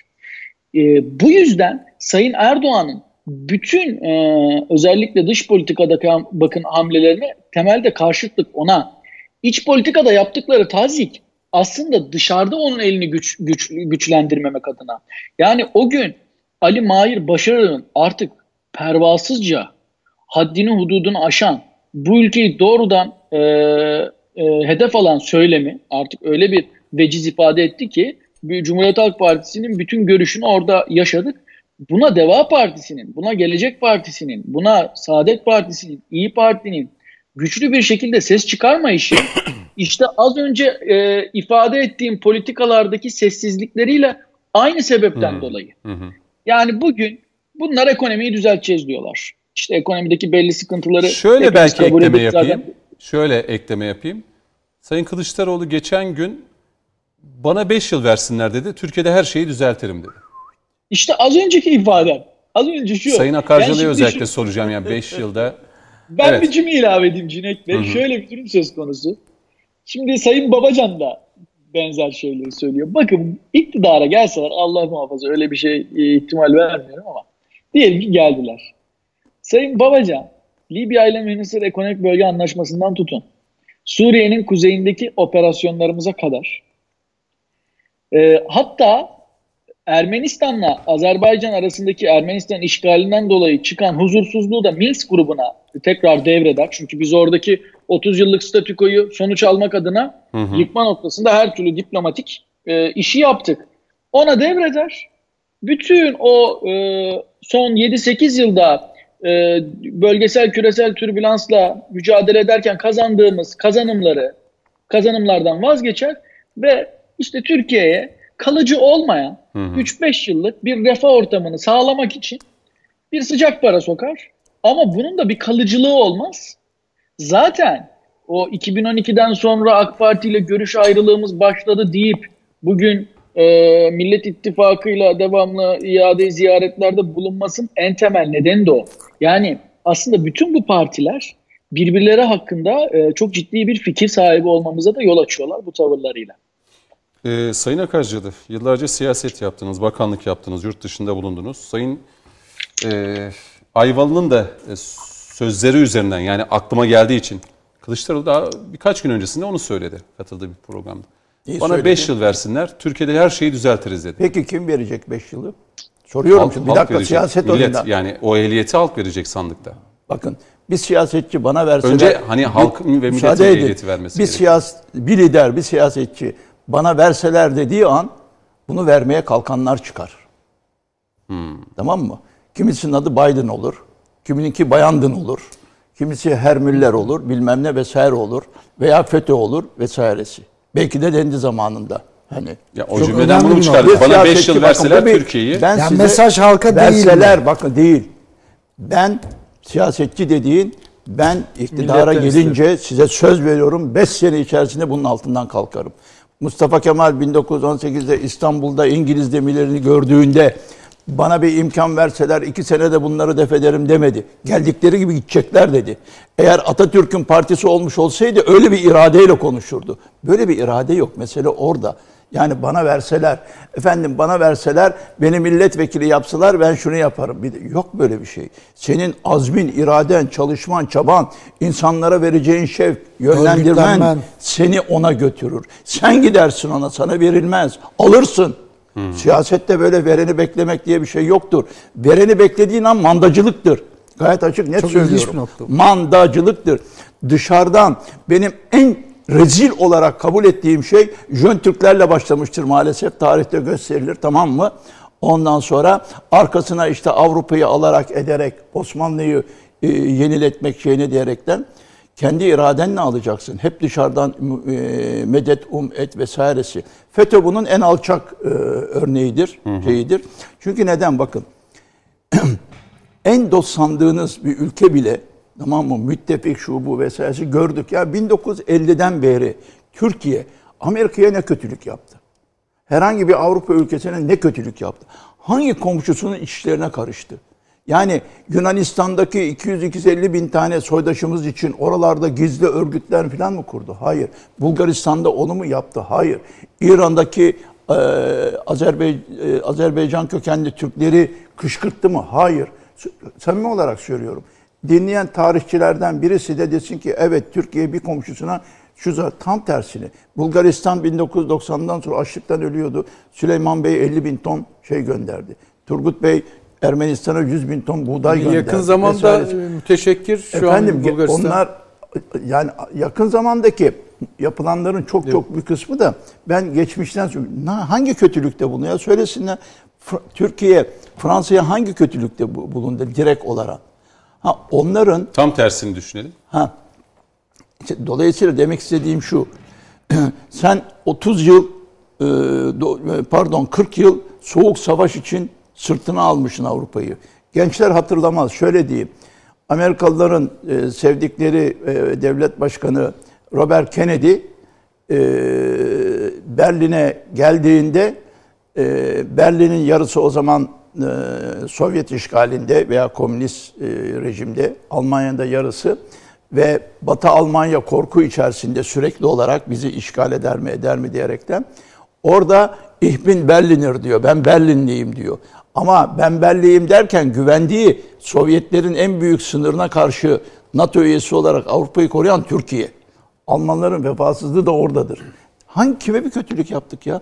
Oradan şuna geleceğim. Böyle bir durumda bile böyle bir durumda bile Türkiye'ye sürekli yaptırım, baskı, bilmem ne vesaire diyenlere şunlarla bunlardan medet umma olayı nasıl olur? Bugün CHP'nin kendini ispat etmesi nasıl olur? Gayet açık söyleyeyim. Nasıl olur? Ha, o daha önce de söylendi. Mesela büyük fırsatı kaçırdı. Azerbaycan'ın haklı e, e, nefis mücadelesinde kendisini savunmada Azerbaycan saldırmadı. Kendini savundu. Avrupa'yı, Amerika'yı dolaşır adamlarıyla, şeyleriyle. Dışarıda inan daha inandırıcı olacak bir şey muhalefettir. Ya siz ne yapıyorsunuz? Ondan sonra ülkenizdeki 3-5 tane diaspora grubuna katılaraktan böyle bir tavır nasıl alırsınız demesi şusu busu gerekir. Onun dışında Türkiye'nin mavi vatan diyorsunuz. Şimdi bugün yani o kadar elinde fırsat ki var CHP'nin. Ona bir de hani e, bu konuda kendilerine yardım edecek insanlar da var. Neden? Vatan meselesi diyerekler. Çık mavi vatanı anlat. Çık Ege'deki Yunanların şımarıklığını anlat. Mesela Almanya'daki durum. Almanya'da işte e, kendilerini e, sosyal demokrat gören eden vesairesi CHP'ye yakın olan insanlar var. CHP içinde de Almanya'da Neden insanlar var. Ya bu seçmenden hani oy almak değil mi? Amaç bu siyasette. Benim benim de cevap veremediğim o. İşte CHP'de o ruh kalmadı. O yapı kalmadı. Ya şu an CHP'de bir akıl hocası mı var? Hayır, tam tersine. Hayır, Tuncay Değil. Özkan'ın şeyi var. Özür dilerim. Bu konuda Tuncay Özkan'ın açıklaması var. Biz bir genel başkanla bir konuda anlaşıyoruz, konuşuyoruz. Ancak genel başkan daha sonra kimle görüşüyorsa bizim konuştuğumuzun tam tersini yapıyor gibi. Geçtiğimiz öyle değil mi? O zaman akılsızlık hocası var. Bir dakika. Ha bir de şöyle diyeyim buradan herkese seyircilerimiz de bunu dinlesin. Üst akıl kelimesi kadar yakışıksız kelime yok. Üst şeytandır o. Bak biz diyoruz da bir üst şeytan bunu, bir üst akıl bunu. Yani akıl dediğin zaman akıl müsbettir. İyi bir şey yapar tamam mı? Ondan üst akıl varsa bir tanedir Cenab-ı Hak'tır. Ama öbürleri şeytandır. Üst şeytandır. Şeytanlığı yapandır. de, yani katkı olsun. Dolayısıyla hani olsa olsa CHP'ye bu şeytanlığı yapan kim demek lazım. Bu da CHP'li seçmeni CHP'ye destek vereni uyandırması açısından. Çünkü üst akıl dediğin zaman e bir üst akıla niye danışmayalım? Varsa bir üst akıl niye danışmayalım? Müsbet bir şey. Öyle Bir mi? örnek. Ama üst şeytanlar var. Bu finans dünyası olarak var, siyaseten var, yok diaspora olarak var, bölücü olarak var, FETÖ'cü olarak var. Bunların hepsi üst akıl, şey üst şeytan, tamam mı? Ondan sonra ve ortaya oluşturdukları da bir şeytanlık birliği. Şimdi bakın biliyorsunuz Enver Al- Altaylı e, üzerinden e, İyi Parti'de çok ciddi bir tartışma. İşte Kavuncu ailesi, bağlantıları falan filan. E, Enver Altaylı iddianamesinde Altaylı ile binden fazla görüşmesi olan bir kişi var. Kim? Rasim Bölecek isimli biri. Rasim Bölecek Tip meşhur. Ka- önce Sayın KGB, 'yı- danışmanlarından bir tanesi. Yani. Ve ciddi Bu iddia- kontrollü darbe lafının da mucidi sanırım. Evet, kontrollü darbe ifadesinin de mucidi Rasim Bölecek'tir. Şimdi işte üst akıl veya üst şeytan. Üst şeytan ya. üst İşte az önce mesela. Rand. Corporation'dan bahsettik. Şimdi açmak gerekir. Bakanım şey söyledi, e, arada uyar dedi ki bunu aç dedi. Yani Amerika'nın hakikaten e, o derin aklının e, merkezlerinden bir tanesi. Amerikan ordusuna raporlar hazırlar. Amerikan siyasetinin, Amerikan devletinin siyasetinde etki Beynidir yapan bir diyelim. yapı. E, şimdi e, o tepe belli bir siyaset belirliyor. Bir çizgi belirliyor. Bir bakıyoruz. Cumhuriyet Halk Partisi, İyi Parti, HDP bir anlamda buraya oturuyor. En son Saadet Partisi'nin genel başkanı çıktı. Dedi ki anayasanın ilk üç maddesi de tartışılabilir dedi mesela. Şimdi bu neyin hedefiydi? Yıllarca tartışıldı Türkiye'de. Büyük Ortadoğu Projesi'nin hedefiydi. Gizlice yapılan anayasa. Tabii anayasa Aslanı- tartışmalarına geliyor. Şimdi ilk üç maddeyi kim istiyor? İşte istemiyor. Açık açık söyleyen, istemeyen güç belli HDP. Açık açık tavır koyuyor. Anayasada Türk milleti tanımına itiraz ediyor.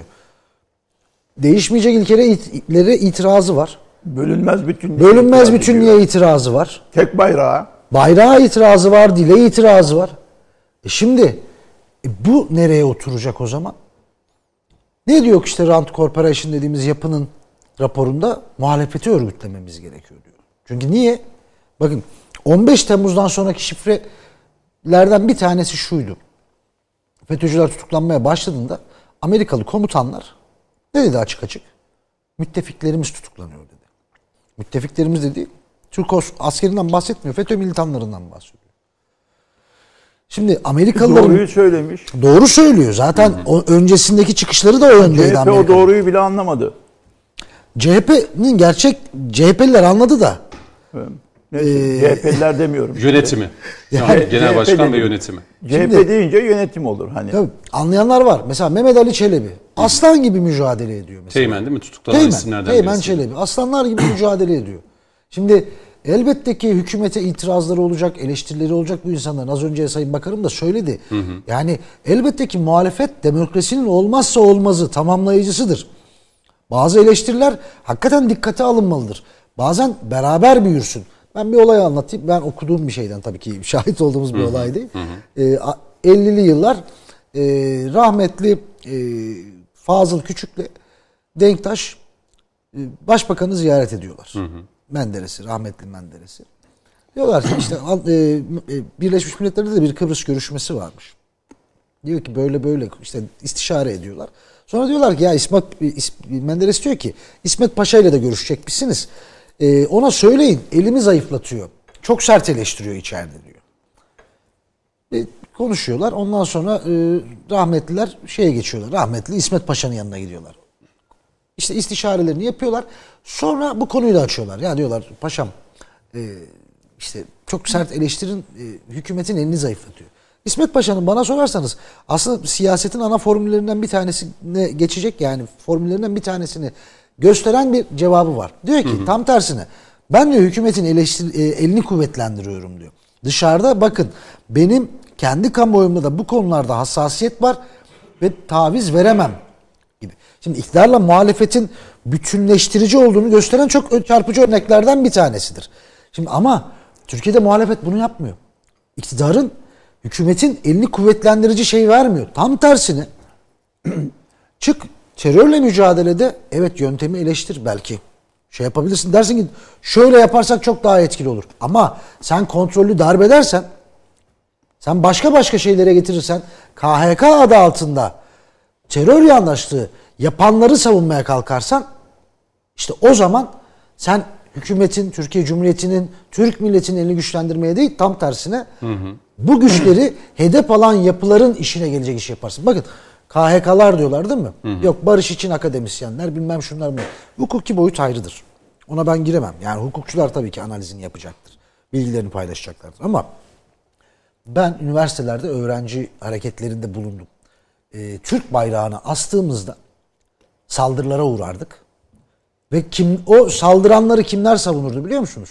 O KHK'larla bugün demokrat diye atılan öğretim görevlileri o saldırganları korurdu. Biliyoruz. isim isim biliyoruz. Kimse bize masumluk, demokratlık söylemesin. Hı hı. Üniversitelerde bir dönem Türk bayrağı, milliyetçi çocuklar, Atatürkçü çocuklar neler çektiler? Yani o üniversitelerde. Benim bizzat yaşadığım olaylar var. O yüzden muhalefet iktidarın terörle mücadelede elini güçlendirmiyor. Tam tersine zayıflatıyor.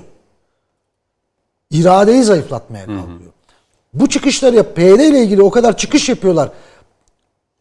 Bugün Irak'ın kuzeyinde, Suriye'nin kuzeyinde, Türkiye'nin güneydoğusunda mücadele eden ya kanlı canlı insan bunlar. Bunların duyguları var. O mücadelede arkada bir destek istiyorlar. O insanların ne düşündüğünü zannedersiniz mesela? O iradeyi bir daha gösterebilir mi? Allah göstermesin. Kafasında şöyle bir soru işareti düşünün. Kumpasları biz niye yıllarca eleştirdik? Dedik ki terörle mücadeleyi yürüten komutanlar hedef alındı dedik. Şimdi o mücadeleyi yürüten adamlar, o askerler ya bir daha bunlar gelirse ne olur gibi bir kafalarına soru işaretini girmesini mi istiyor muhalefet? Mesela. Hı hı. Bir de son bir cümle çok tabii, uzattım kusuruma tabii. bakmayın. Konuklarımız da e, kusuruma bakmasın. Soruyu bana sormuştu da. Bir cümle şöyle söyleyeyim. Terörle mücadele demişken hani olayı tank palete getirip ben e, aslında Türkiye'nin milli çıkarını savunuyorum diyen insan hı hı. o zaman çıkacak Türkiye'nin İHA'sı, İHA ve SİHA'sını da savunacak. Türkiye'nin terörle mücadelesindeki savunma sanayini de savunacak. Savunmaktan çok maalesef çok da üzülerek öyle söylemler geliştiriyorlar ki mesela SİHA ve İHA'lar. Yani damadın SİHA'ları, Heh, İHA'ları şimdi demek bunu savunmayıp bence orada bir manevrayla tank palete getirmeye çalışıyorsan da Hı-hı. samimiyetin yoktur. Peki. Bakın Hilmi Taşdemir'e size söz vereceğim. Şununla ilgili hayır tabii, buna tabii. paralel olarak söyleyeyim. hani damat kelimesinden gelerek. Şimdi bunu ben gördüm. Türkiye'de kendini entelektüel bilmem ne sananlar bir de sol, solda zannediyorlar. Batı'da entelektüelin ne olduğunu, solun ne olduğu aslında hmm. şey edilmemiş. Devletçiliği sol diye Türkiye'ye takdim ettiler. Bunu da meşrulaştırmak için Kemalizm kelimesini e, icat ettiler. e, şeyini damat dendi. Peki Cumhuriyet'in kurulmasında Mustafa Kemal'in yanında olmuş e, işte e, e, Halk Partisi'nin başkanlığını, Cumhurbaşkanlığını yapmış. E, İnönü'den sonra Cumhuriyet Halk Partisi'nin başına kim geldi? Oğlu geldi. Bakın. Hiçbir şekilde kalkıp da bu yadırganmadı. Bak, yadırganmadı. O sol kesimden olduğu için. Hı hı. Allah göstermesin diyelim ki Süleyman Bey'in bir oğlu olmuş olsaydı o da bileğinin hakkıyla gayet iyi bir okumuş profesör veya Turgut Bey'in Gelseydi. veyahut Tayyip Bey'in Hı. ondan sonra okumuş etmiş. Yani e, rahmetli Erdal Bey gibi iyi bir akademisyen olmuş, esprili insan olmuş. Onu, onda olan vasıfların hepsi en azından o çocukta olmuş olsaydı o da başbakanlığa partinin babasından sonra genel başkanlığına getirilmiş olsaydı ne olurdu? Neler denmezdi? Şimdi işte bunlar bu izafiliği e, CHP'li arkadaşlar göremiyorlar. Yönetimde vesairede olanlar. Eleştirirken. Yani gayet şey olarak, şey olarak söyleyeyim. Diyelim ki e, şeyden sonra e, Tayyip Bey'den sonra e, çocuklarından biri o giriyor siyasete vesairese seçiliyor da ve iktidara geliyor. Yer yerinden oynar. İyi ama bu yapıldı. Yani Erdal Bey olduğu zaman oluyor da başka partiden merkez merkez sağdan olsun diye demiyorum. Yani o bir iyi örnektir diye demiyorum olması açısından. Türkiye'de işte kendilerine aydın, entelektüel bilmem ne vesaire diye kendilerine kendi kendilerine etiket yapıştırıp ondan sonra kendi etiketlerini okuyaraktan o sınıftan olduğunu zannedenlerin biraz meseleleri objektif olarak öz eleştiri yaparak görmeleri gerekiyor şeyinden. Yani şunu diye demeleri diye, diye diyemiyorlar. Ya peki biz tamam bu hükümeti beğenmiyoruz, cumhurbaşkanlığını beğenmiyoruz, e, başkanlık sistemini beğenmiyoruz, etmiyoruz. O onların işi. Hı hı. Peki sen ne yapıyorsun? Biraz önce söylediğim gibi. Sen ne yapıyorsun bu ülkenin temel çıkarlarına? Mavi vatan yepyeni çok güzel bir kavram. Ben hatta şöyle dedim. E, misaki milli anlayışından kavramından sonra gelmiş ikinci büyük kavramdır diyerekten. Çok doğrudur.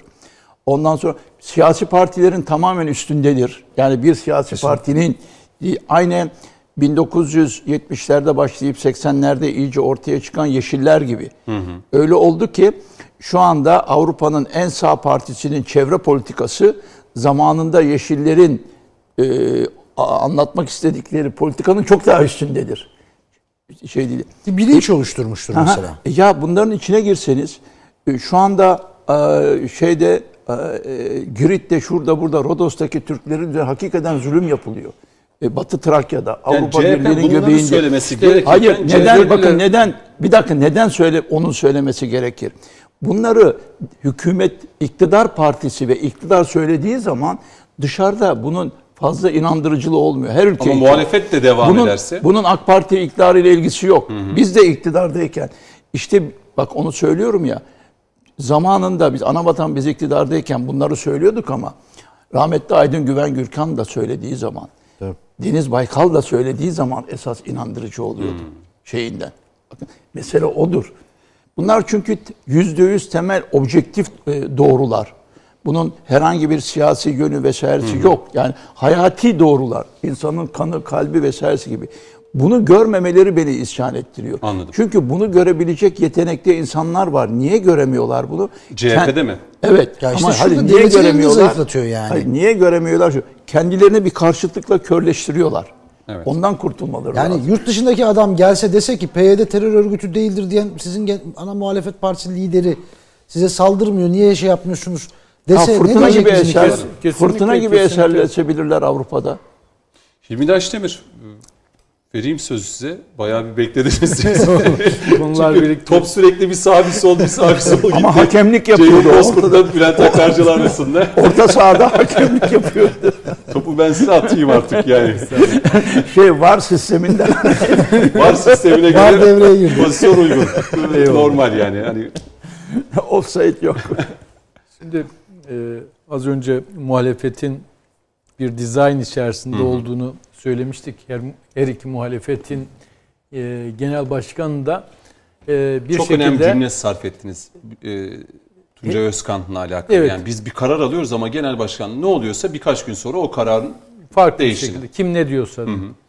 Yani bir şey var orada bir e, Sayın Bakanımız ona üst akıl demeyelim dedi. Ne dersek diyelim. Hı. Yani çukur akıl diyebiliriz yani ancak bu memleketi çukura götürebilecek hı bir takım cümleler sarf ettiriyor çünkü o, o akıl. Ama son süreçte Cumhuriyet Halk Partisi'ndeki yapılan dizaynla e, parti içerisindeki milliyetçiler ya da ulusalcılar diyelim, hmm. seküler milliyetçilik bir şekilde ulusalcılık olarak tanımlanıyor. E, partinin dışına itildi.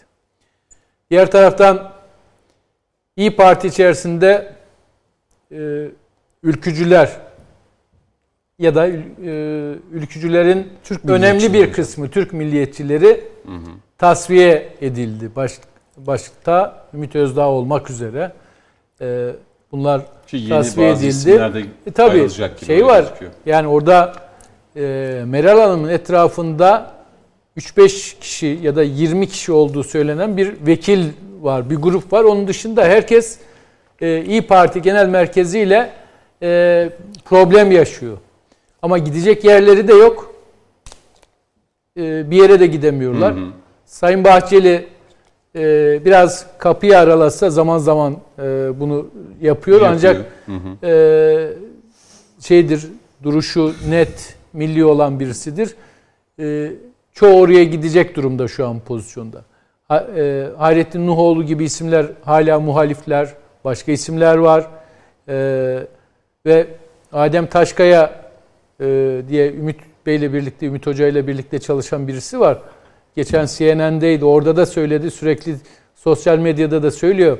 İyi partiler diyor e, beni diyor e, şeye versinler, mahkemeye versinler diyor. Kamil Erozan bu konuda niye açıklama yapmıyor da başka birileri yapıyor diyor.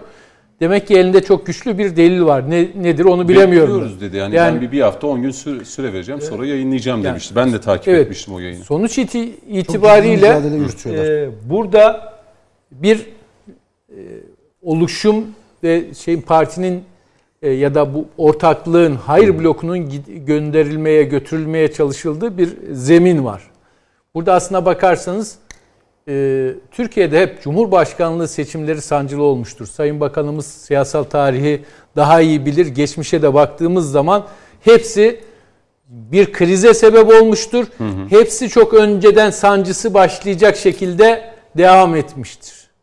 Ee, 24 Haziran'da öyle. Onun dışında e, işte Abdullah Gül'ün her ne kadar bir şekilde karşı Sezer blokta- dönemi Süleyman Demirel olduğu Tabii zaman tabii tabii. Ya meclisteki hepsi aritmetik üzerinden hepsi öyledir. oyunlar. Yani ben e, işimiz gereği yakın siyasal tarihi de takip ediyoruz e, bir şekilde. E, önümüzdeki süreç açısından bir dizayn ediliyor. Bu dizayn da varsayıyorlar ki Cumhurbaşkanlığı seçimi ikinci tura kalacak. İkinci tura kaldığı zamanda da HDP'lilerin oyunun tamamını alabilecek bir aday çıkarmalıyız. Bu kim olacak? Ya Ali Babacan olacak ya Abdullah Gül olacak. öyle mi? Dizayn öyle. Akş Akşener de zorluyor o denk. O da zorluyor. Acaba yani o kahvaltı mi komplimanları komplimanları ondan ondan yani Demirtaş kahvaltıya davet ediyor. O da e, Anadolu'dan bir örnek vererek hani Yani- davete icabet gerekir hani ya da kapıyı E, açarız. Nasıl bir ülkücüsün sen?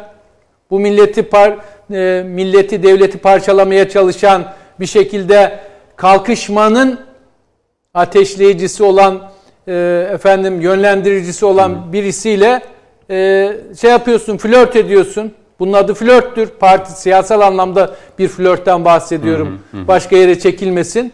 Ne- nedir bu?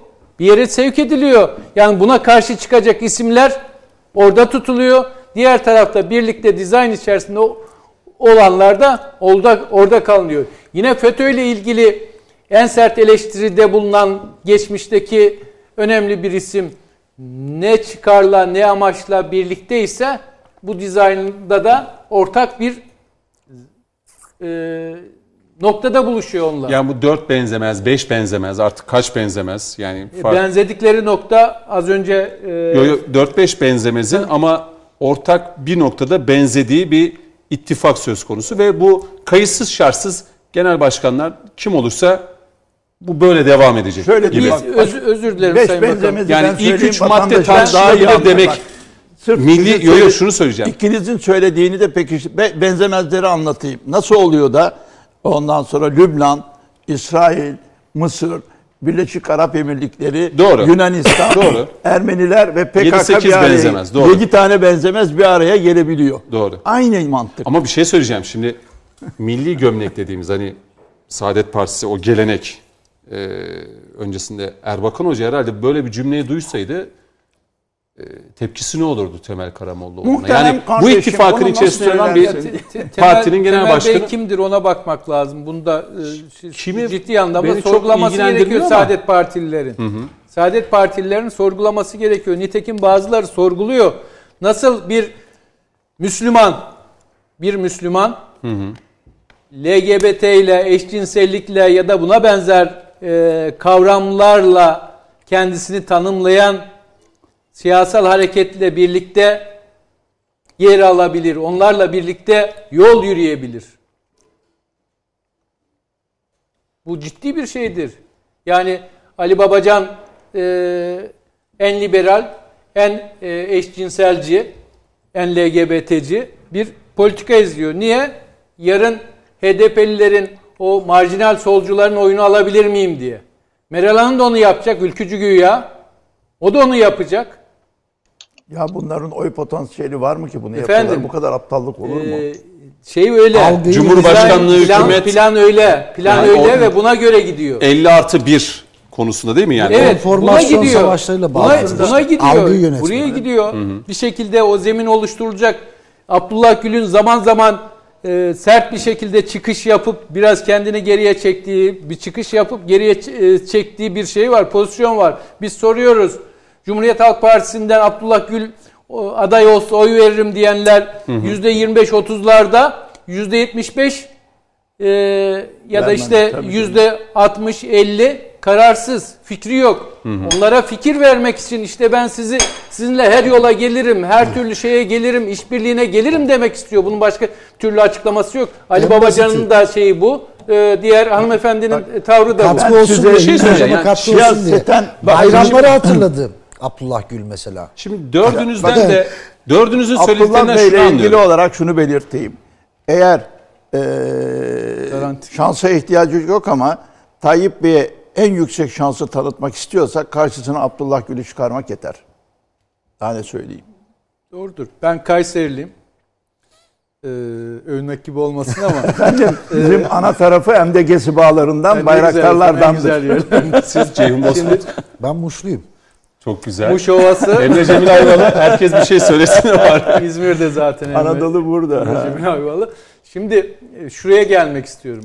Kayseriliyim ve bu e, dizayn ki yıllardır süren bir dizayn e, Abdullah Gül'ün bu dizaynı Ama Cumhurbaşkanlığı Abdullah Gül olmaz. Meral Akşener şer koymuştu. Çok ciddi. Koyar bakacağız. Bakacağız. Tabii. Meral. Meral Geçen- Akşener geçen- dün de söyledim. Ama e, dün de söyledim. Meral Akşener geçen sefer ben bozdum bu te- şey tek aday çat adayı. Bu sefer e, buna karşı çıkmayacağım. E, her şekilde e, Tayyip Erdoğan'ın yenilmesi için, AK Parti'nin, Cumhur İttifakı'nın yenilmesi için ne yapılması gerekiyorsa yapacağım diyormuş çevresindekilere. Kayseri Yok, meselesine televizyonda gelince da söyledi. Şey, e, bunu televizyonda benzer şöyle söyledi İlmi Bey. Tabii. Ee, daha önce dedi bize Erdoğan'ın karşısında HDP, İyi Parti hepimizin ortak bir aday çıkarmamız söylendi dedi. Mesela onun ardına düşmedi sonra e, o dönem işte televizyona çıktığı kanal. E, so- buna benzer ama bu dönem e, böyle bir şeyde fedakarlık yapabileceğini de deklare etti. Evet. Aynen ben Ama isim yine- zikrederek hatta e, söylediğinde hatırlar gibiyim. Yani onun teyit Evet, için bakıyorum evet da. doğru. Şimdi zorluyor acaba Hatta olur mu diye. söyledi.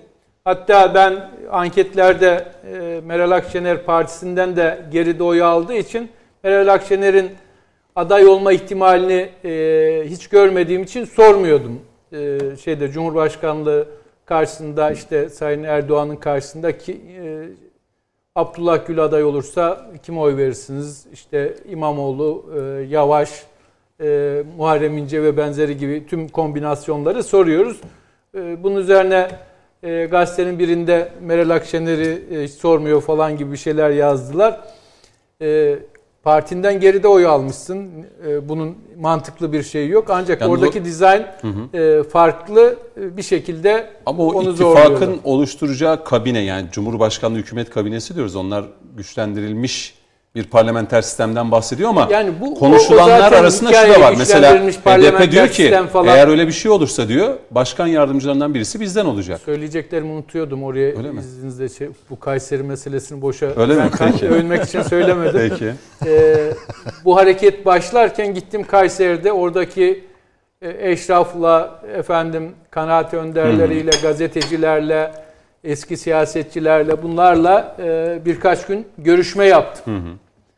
E, esnaf falan şunu söylüyordu. E, bu Kayseri'de bir tek çivisi yok. Bu önemli bir şey. Kayseri ile bir alakası yok. Halkın içerisine girmesi yok. Kimisi de şunu diyordu. Bunu diyenlerden birisi de benim amcam. Hı hı. Ee, bu adama her şeyi yapan Tayyip Erdoğan, Tayyip Erdoğan'a ihanet eden Aynen, bir adamın aynen, aynen. E, Kayseriler tarafından tutulması, sevilmesi mümkün değil diyordu. Sonuç itibariyle Kayseri'de Kayseri e, ve Kayseri ile birlikte Orta Anadolu e, siyaseti daha doğrusu iktidarı belirleyen bölgedir, Seçmen bu ihaneti biliyor yani. Yani Tamam. öyle algılıyor. Yani öyle yani algılıyor.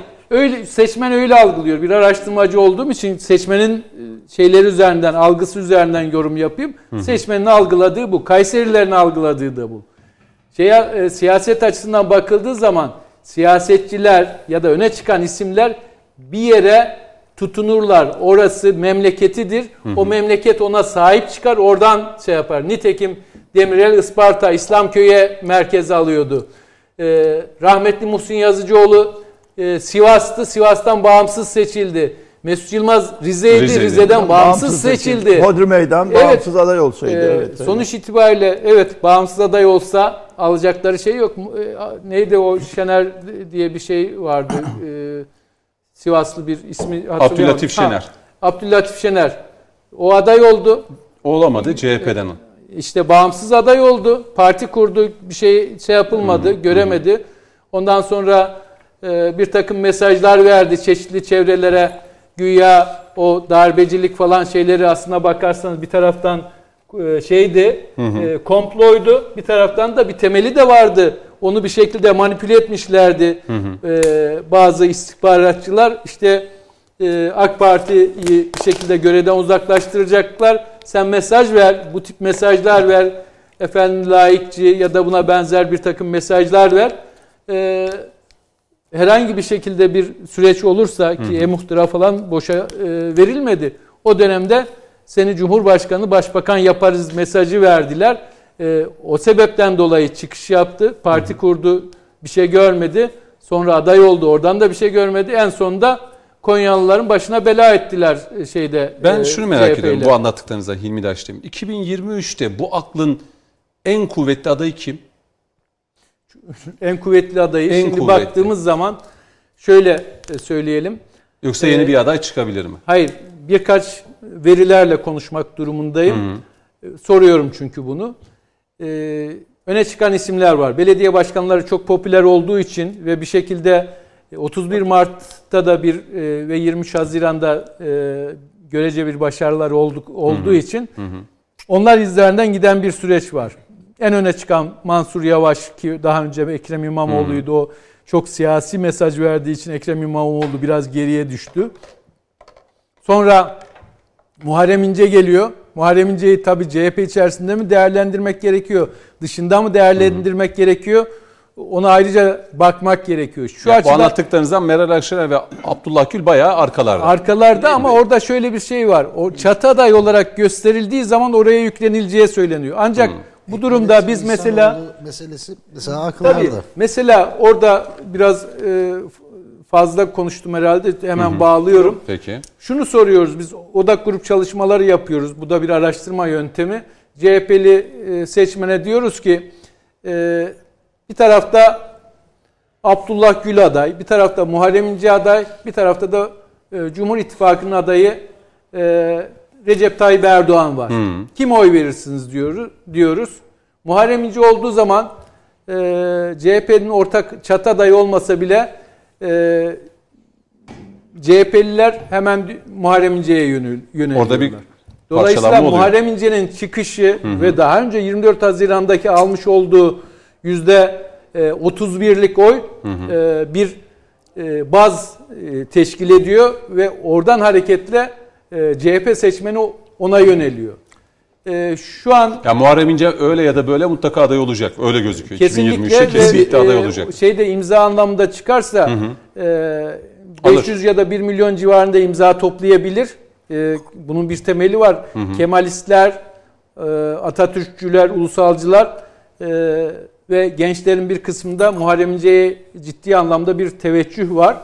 Ee, bunu zaman gösterecek bir şekilde e, işte CHP'den çok sert eleştiri yapılmıyor. Zaman zaman onu sıkıntıya sokacak şeyler söyleniyor ama geçmişte işte bir haftalık zaman oldu.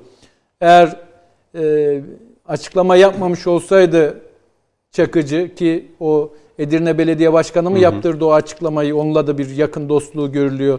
Ee, CHP Genel Başkanı ve İyi Parti e, ciddi e, sıkışmış durumdaydı. Onlara nefes aldırdı. Yani o da ayrı bir şey konu. Evet. E, sarayda sarayla görüşen CHP'liden saraydan para alan CHP'liye ikisinde de hedef gösterilen bir isimdi.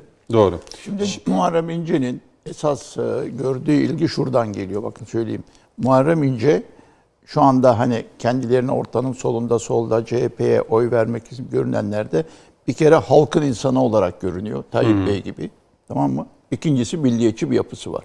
Yani aslında Az önce konuştuğumuz CHP'li Bakın- hani geçmişteki CHP bakın, modeline uygun Yani bir baktığınız zaman e, Tayyip Bey'in yapısına e, ile ciddi benzerlik e, sağlayan bir yapı var. Öbür tarafta hani ayna e, gibi bakıldığında.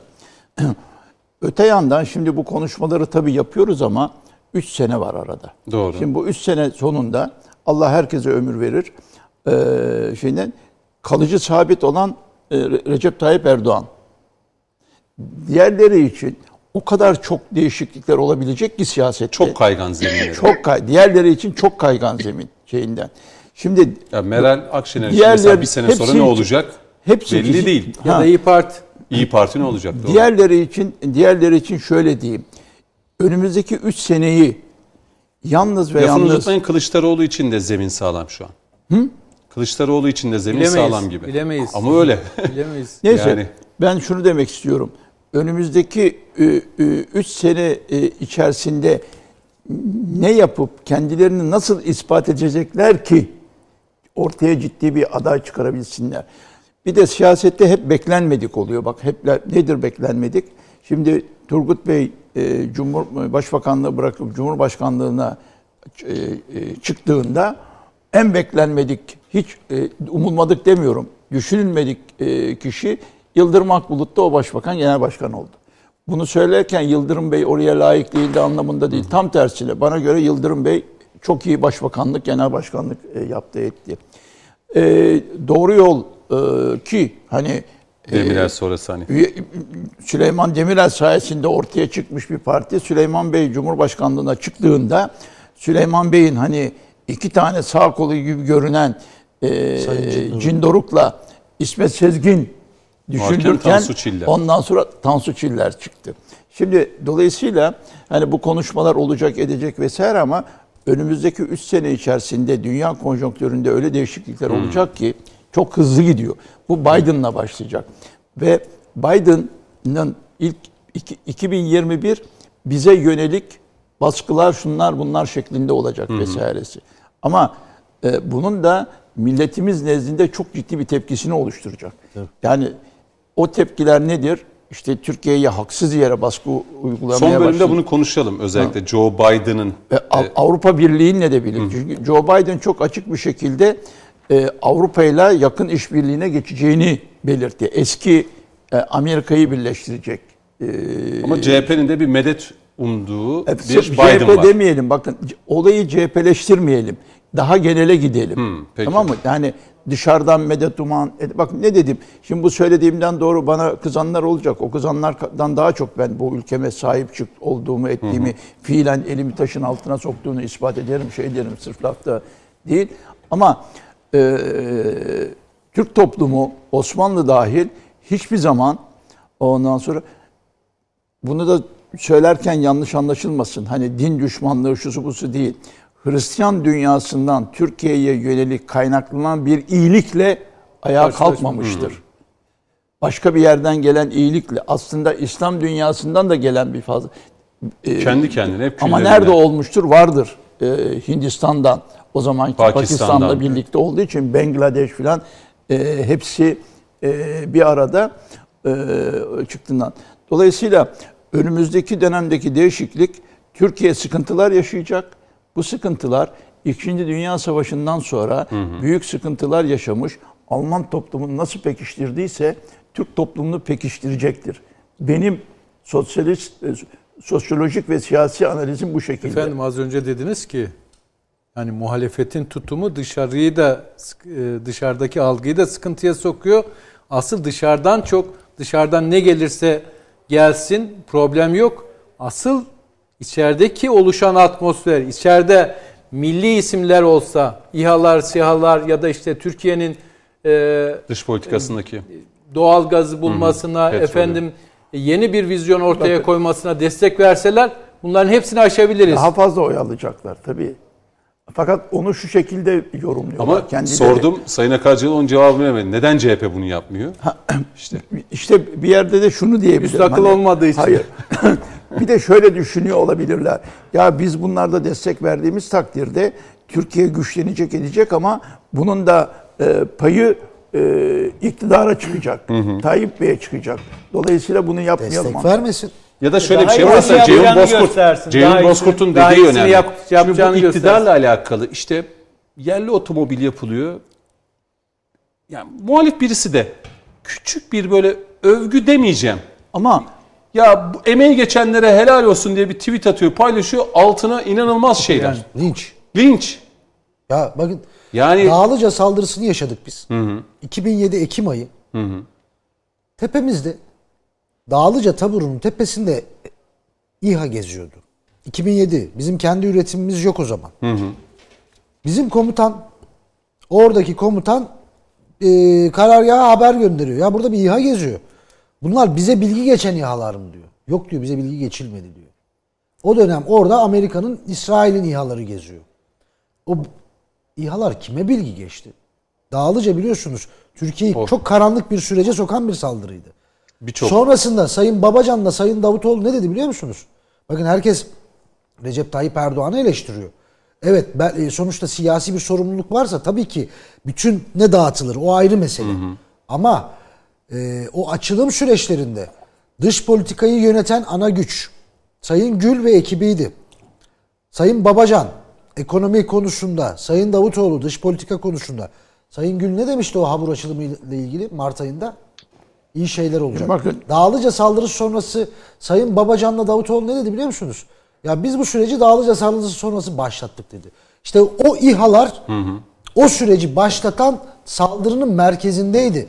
Ve İsrail'in Amerika'nın İHA'ları vardı. Şimdi sen üretiyorsun o İHA'lar gezemiyor tepende. Peki. Yani Konuşmak bu lazımın önemli bir ayrıntıdır. ikinci arasına gidelim. ben şununla kapatayım. Ee, dinleyicilerimin bilgisi için Tabii. Sayın Abdullah Gül yıllardır yani Cumhurbaşkanlığından ayrıldığından beri bu milletin vergilerini nasıl sömürdüğünü, bundan utanç duymadığını, bununla yaşadığını anlatmak için bunu ben yazmıyorum. Sözcü gazetesi yazıyor. Bunun da yandaş bir gazete olduğunu söyleyen çıkmaz herhalde. Çıkarsa enteresan olur. Orada da bir şey var. Hayır, 18 orada da bir sermaye mücadele- şeyi var. Bakın, Yabancılar mücadele- aldı gazeteyi. 18 Mücadele- makam, Hiç 11'i 11'i Mercedes olmak üzere 18 makam aracı var. Koruması düzeltmiş. 18 değil 17 demiş. Dolayısıyla doğruluyor. 40 tane personeli var. Peki ne yapıyor? Bunlarla ne üretiyor?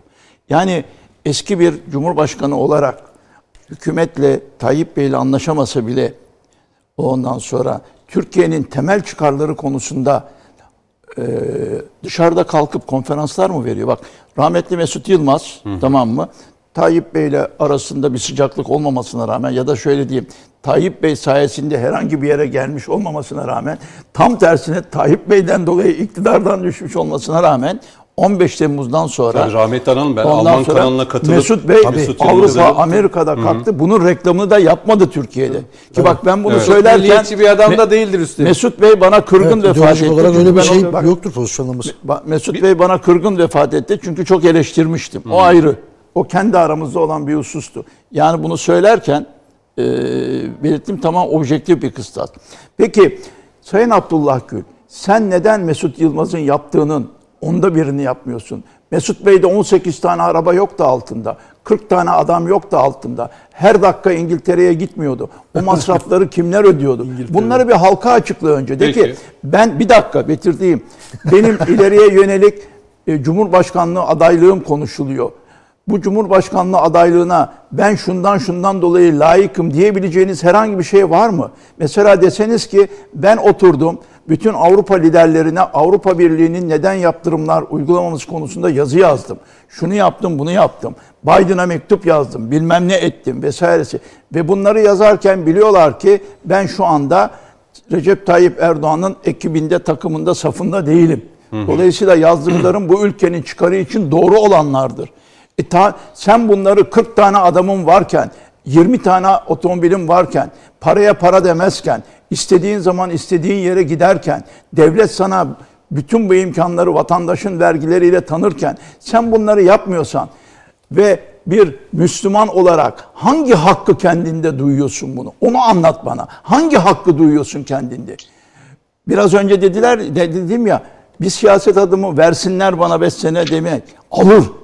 Sen neyi alıyorsun? Sen hep versinler bana, versinler bana. Efendim bir araya gelsinler, beni tek aday yapsınlar, ben aday olurum. Ne demek yahu? Adaylık alınır. Alınır. Peki. Bu Abdullah Gül Ama- özelinde söyledikleriniz değil mi? Evet, doğrudur. Peki. Emre Cemil Ayvalı şöyle yapalım. Araya gidelim. Dönüşü sizinle başlayacağım. Tamam olur hocam. Peki. Son aramız olacak bunlar.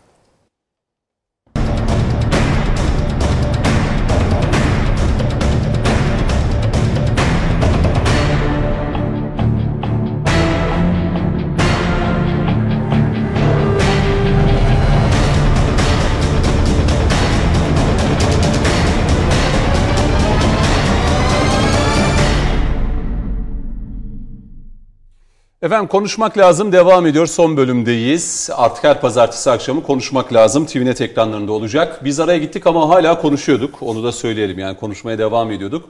Şimdi bu bölüme e, Emre Cemil Ayvalı ile başlayacağım. E, süremiz de yaklaşık bir 30-35 dakika. E, onu da iyi değerlendirerek. E, Emre Cemil Ayvalı, e, Bülent Akarcalı aslında e, direkt isim vererek çağrıda bulundu yani Abdullah Gül'e yönelik. Hayır, gayet Em- normal Emre- bir hakkım ya. Emre- Ben Evet, hala evet, vergi evet. veriyorum. Ben hala vergi veriyorum, çalışıyorum. Şeyde, Ya hem öyle, müsaade ederlerse hem ben öyle. bir şey, şey yapmak istiyorum. Kısa mı yoksa Emre çok, Cemil çok Ayva'dan kısa sonra? Kayseri'den Tamam. bir Peki. şey talep geldi. Kayseri'den e, benim Hemen tanıdığım, dönüyoruz Emre Cemil. e, Tamam. Erdem Genel isminde bir ağabeyim var. O dedi ki Kılıçdaroğlu'nun 5 yıl e, Versinler bana. versinler dediğini biraz daha gündemde tutun dedi. Biz aslında onu konuşmuştuk. Ama Doğru. tekrar Erdem abinin talep üzerine söylemiş olalım. Ee, Yine Ee, konuşuruz yani. Hani evet. Sayın Kılıçdaroğlu çok iddialı yani bu cüm- bana 5 yıl versinler Türkiye'de her şeyi Sayın düzeltirim. Bakanım da o Doğru. 5 yılın Hayır, nasıl alınacağını Doğru. söyledi. Doğru. Efendim ben de buradan diyorum ki bana 1 milyar lira verirseniz ben Türkiye'nin dışarıdaki tanıtımını yaparım. Özellikle Kayserili hemşirelerimden çok rica ediyorum. Ne olur 1 milyar lira toplayıp bana getirir misiniz? Peki. Var mı böyle bir şey? Şimdi şöyle, e, ben Sayın e, Akarcalı'ya katılıyorum. Mesela e, dış ülkelerdeki liderlere bakıyorsunuz. İşte mesela Obama başkanlığı bıraktıktan sonra birçok konferansa katıldı.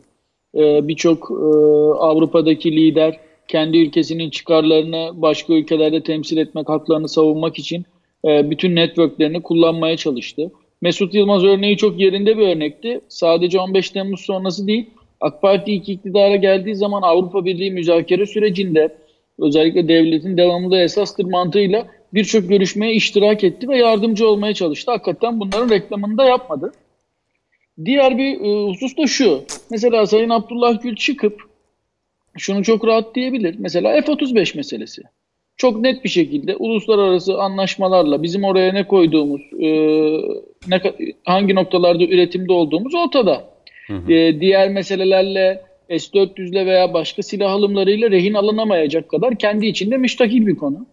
Mesela çıkıp Amerika'ya ya niye böyle bir şey yapıyorsunuz? Biz burada hakkımız var ve bu F-35 bizim hakkımız. Niye bu, bu anlamda bir gaspa girişiyorsunuz diyebilir. Bunun için iç politikadaki başka muhalefet e, veya işte uzlaşma noktalarına ihtiyacım var. Hayır. Mesela FETÖ konusunda çıkıp bir açıklama yapsın ya eski bir cumhurbaşkanı olarak. Yani bu F-35 FETÖ meselesi siyasetin tali meselelerinin çok çok üstünde. Yine istediği yerden aday olsun bu problem değil. Ama işte bütün bunları diyemez. Çünkü e, konu nerede kilitleniyor? E, işte Türkiye'deki iki blok siyaseti, bir blok menfaatini tamamen dışarıda aradığı için, menfaatini dışarının Türkiye yapacağı baskı üzerinden tahvil edeceği için oraya asla hoşuna gitmeyecek şeyleri söylemiyor. Bu Türkiye'nin çıkarlarına bile olsa. Diğer husus da şu.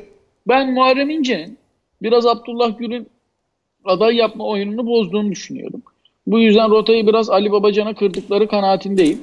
Ee, tabii ki de Akşener bu işle ne olacağı belli olmaz. Belki top benim önüme düşer mantığıyla özellikle parti içerisinde daha milliyetçi olan, daha muhafazakar olan e, hizipleri yani çünkü birçok hizip var İyi Parti içerisinde e, bunları tasfiye etmeye veya pasifize etmeye dönük hareketleri var. Zaten Kemal Kılıçdaroğlu da e, kendi partisini ve e, kendi partisini ve hitap ettiği tabanı işte olası bir e, ideolojik anlamda e, kendi partisinin tabanının beğenmeyeceği aday bile olsa e, çok rahat entegre edebileyim diye dizayn etmişti. Benzer e, hareketi şu an e, İyi Parti içerisinde Akşener de yapmaya çalışıyor. Hı hı. Bu yüzden bütün parti içerisindeki diğer e, hizipler harekete geçiyor. Şimdi tabii ben açıkçası Cumhurbaşkanlığı hükümet sisteminin %50 artı 1 ile e, seçim olmasının e, çok bize e, avantaj sağladığını düşünüyorum. Vatandaşın siyaseti ve denklemleri okuma açısından ciddi bir şeffaflık getirdiği kanaatindeyim. Neden? Bakın şimdi siyasette iki yolunuz var önünüzde. Ya e, Türkiye'nin bütün meselelerine hakim bir şekilde politika üretirsiniz. Bütün toplumu kucaklayan bir siyaset üretirsiniz ve e, potansiyelinizin üzerinde bir oya talip olursunuz. Mesela Adalet ve Kalkınma Partisi işte %50'lere varan bir oy aldı. Cumhur İttifakı işte Recep Tayyip Erdoğan'ı seçtirerek 50'lerin üstünde bir oya ulaştı. Sadece bir ideolojik olarak hitap ettiği bir kitle üzerinden bir sayısal değer olarak almadı meseleyi. Türkiye'nin e, genele şamil e, bütün kesimlerine bir dil kullandı. Hmm. Oradan alabileceği maksimum oyu aldı ve şu an organik bir şekilde e, kendi so, birbirine benzeyen ve yakın olan sosyolojilerle beraber ne yapıyorlar? Bir siyaset yapıyorlar. Ama Cumhuriyet Halk Partisi, işte Millet İttifakı, HDP, DEVA, Gelecek Partisi kendi tabanlarında bir araya getirebilecek bir politika üretemedikleri için ne yapıyorlar? Birbirlerini sayısal değer olarak görüyorlar.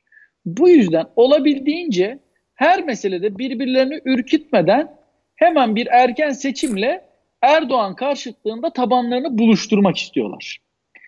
İşte e, Akşener'in bu kahvaltı meselesi. Yani mesela diyelim Libya meselesinde e, ne yapıyor? Cumhuriyet Halk Partisi'ni rahatsız edecek bir söyleme girmek istemiyor. Ama bir taraftan da milliyetçi seçmene oynadığı için işte yarım yamalak bir şeyler söylemeye çalışıyor. HDP'ye çok tepki koymak istemiyor. Çünkü ikinci turda ona ihtiyacım var diyor. O yüzden e, HDP'ye çok tepki koymasa da işte yarım yamalak kerhen bir şeyler söyleyeyim meseleyi atlatayım diyor.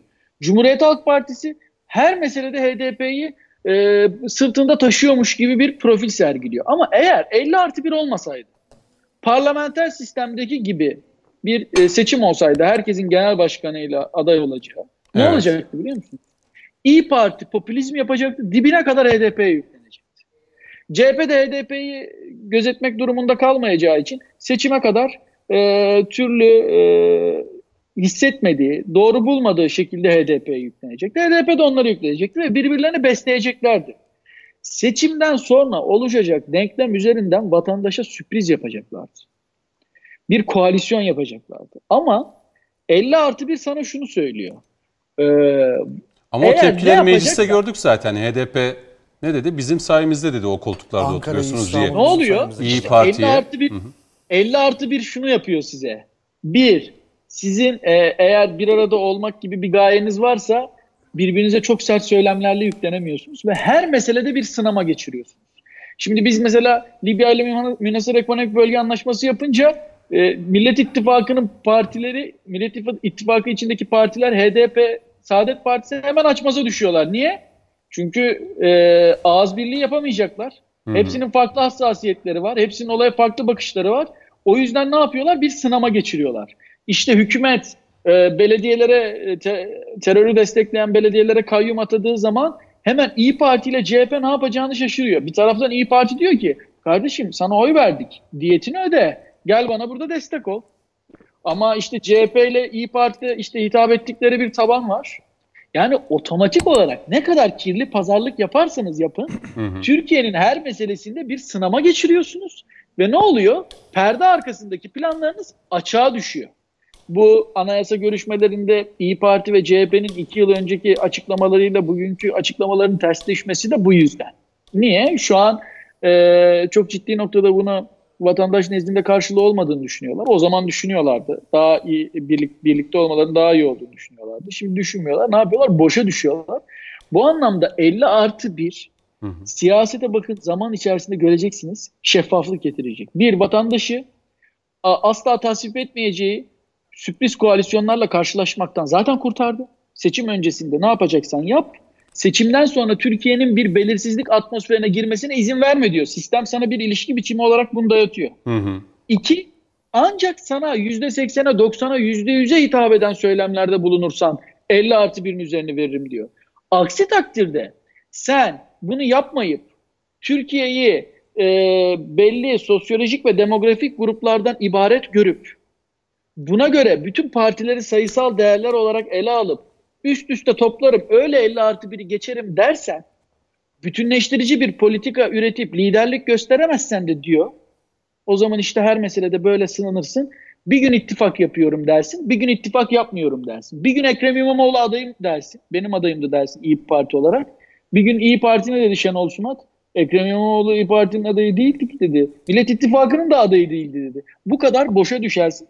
Ben bu, bu anlamda da 50 artı 1'in e, siyasete hı hı. bir şeffaflığı dayattığını ve herkesin e, karanlık bir ilişkiye girse bile adeta e, sobelendiği bir e, sistem olduğunu düşünüyorum. E, şu an son olarak eğer e, şey yapacak olursak, bağlayacak olursak e, Babacan'ın da e, Abdullah Gül'ün de belki İlmi Bey doğru söylüyor evet e, daha görece yüksek çıkan kişiler var ama bu kişiler e, kimsenin tepkisini almadan herkesten oy, alarak, oy alabilecek kişiler olarak ortaya e, sunulacağı kanaatindeyim.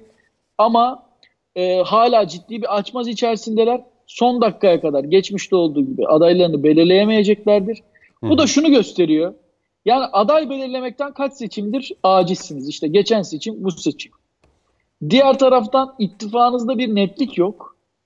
E şimdi vatandaş şunu ister istemez der. Ya ben bunları iktidara getirsem bunlar beni hangi yapıyla, hangi kadrolarla, hangi yoğunlukta dağıtılmış olarak yönetecekler? Şimdi bu kadar e, vatandaşı belirsizliğe mahkum eden bir siyaset, Türkiye'nin bölgede ve ekonomide e, yapmak istediklerine ilişkin ne üretebilir? Bu da ayrı bir tartışma konusu. Peki. Şimdi Hilmi Daşdemir size döneceğim. Ee, belki son bölümü e, tüm bu konuştuklarımızın bağlamında hani muhalefet bir erken seçim. Tabii bir salgın da var, küresel bir salgın ülkemizde de. ister istemez tüm dünya ekonomilerinin etkilendiği. Türkiye'nin de bunun etkilendiğini görürüz ama özellikle büyüme rakamları bugün açıklandığında baktığımızda yine Türkiye 3. çeyrekte 6,7'lik bir e, büyüme yakaladığını da görüyoruz. Yani bu, bu aslında sevindirici. E, şimdi muhalefet son dönemde sanki böyle yangından mal kaçırıcısına sürekli böyle bir ekonomi kartını öne sürerek e, ve salgınla mücadelede de Türkiye'nin sanki bir başarısız e, olduğunu anlatarak e, erken seçimi sürekli e, işaret ettiğini görüyoruz. E, siz mesela bugün alınan kararlarda sonrasında şöyle bir sosyal medyaya baktım. E, ya işte kısıtlamalar gelsin, önlemler yapılsın, tedbirler alınsın diye bas bas bağıranlar. Bugün Sayın Cumhurbaşkanı çıktı, alınması gereken önlemler hafta sonu daha da tam sokağa çıkma kısıtlaması. İşte hafta içi yine e, kısıtlamalar başladı, başlayacak yarın akşam itibariyle. Şimdi o gün itibariyle itiraz edenler bugün bu kısıtlamalar başladı diye yine itiraz ediyorlar ve e, ağırlıklı olarak baktım muhalefet kanadından. E, şimdi bu biraz buna bir değinelim biraz da isterseniz. Ne dersiniz? Çünkü salgın üzerinden de iktidarı, e, Cumhur İttifakı'nı ve hükümeti e, sürekli e, zor durumdaymış gibi gösterme çabasında olan bir muhalefet de var. Ne diyorsunuz? Tabi burada bir e, erken seçim çağrılarının temel amacı ne ona bakmak lazım. Hı hı. Aslında bu çağrı daha önce e, muhalefet partilerinin genel başkanlarının dinlendirilmediği bir çağrıydı. Bir şekilde parti içinde bir muhalefet hareketi her iki partide oluşmaya başlayınca bu sefer bir erken seçim havasına girilebilir mi? Acaba erken seçim olabilir mi? Erken seçim olursa da e, bu kendi içlerindeki hareket seçime gidiliyor. Parti içerisinde e, bir şekilde ayrılık gayrılık olmasın. Nasıl olsa İstanbul ve Ankara'da biz başarı kazandık. Bu başarıyı devam ettirelim şeklinde bir e, atmosfer oluşturma çabasıydı. E, diğer taraftan mesela şu salgın sürecinde en önemli e, sorunumuz ne diye bakıldığı zaman ilk önce e, ilk sırada koronavirüs salgını çıkıyordu.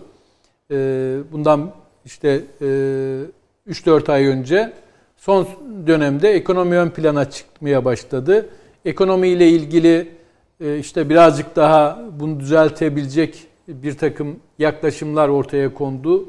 Hukuk, hukukun üstünlüğü, efendim e, diğer, diğer taraftan yatırım ortamının iyileştirilmesi ve benzeri gibi süreçte bir e, reform başlayan geçen yıl başlayan ancak e, çok e, yeteri kadar etki bulmayan e, reform sürecinin Sayın Cumhurbaşkanı tarafından da benimsendiği hı hı. ve bu benimsenmekle birlikte de bir şekilde etkisinin olduğu bir süreci belki yaşayacağız. E, biz her ay Türkiye'nin nabız araştırması diye bir araştırma yapıyoruz. Bu araştırmayı e, da e, işte yayınlıyoruz. Başkaları da yapıyor olabilir. Ama biz e, yaptığımız çalışmalarda şunu görüyoruz. Bir, 24 Haziran'dan beri yaptığımız bu araştırmalarda 31 Mart'taki Türkiye geneli oyda dahil olmak üzere e, Cumhur İttifakı'nın oy oranı %50'nin altında değil. %51, 52, 50.5 hep buralarda seyrediyor. Hı hı. İki, Türkiye'nin en önemli sorunu nedir? Birinci öncelikli olarak ekonomi, işsizlik. İkinci koronavirüs salgını. Üçüncü güvenlikle ilgili meseleler. Hı hı. Bunları kim çözer? %33-35 civarında AK Parti çözer. %16-17 Cumhuriyet Halk Partisi çözer. Bazen 15'e de düştüğü oluyor. Hı hı. Diğer taraftan İyi Parti çözer diyenler 5-6 o civarda. HDP çözer diyenler 7-8 civarında.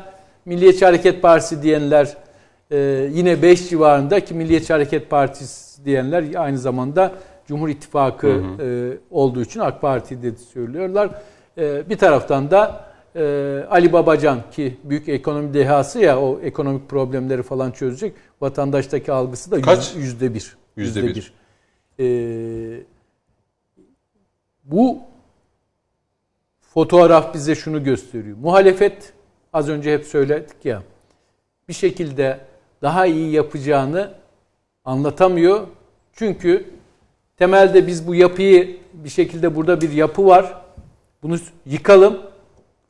Sonra sonrası ne, Allah kerim. Sonra ne inşa ederiz ona o zaman bakarız. İşte sonrası Allah Burada, kerim. Burada evet ne Allah yapacağını daha net bir şekilde ortaya koyabilse belki daha iyi yapacağına inanırsa bu millet. Ama Türk söylüyor işte Sayın Kılıçdaroğlu 5 yıl milleti, verin diyor. Aa, neye göre verecek o 5 yılı verebilmesi ya için ben kendisi... Ben de diyorum bana 1 milyardan vazgeçtim 500 milyona indim. Biliyorum Sayın Akar. tamam.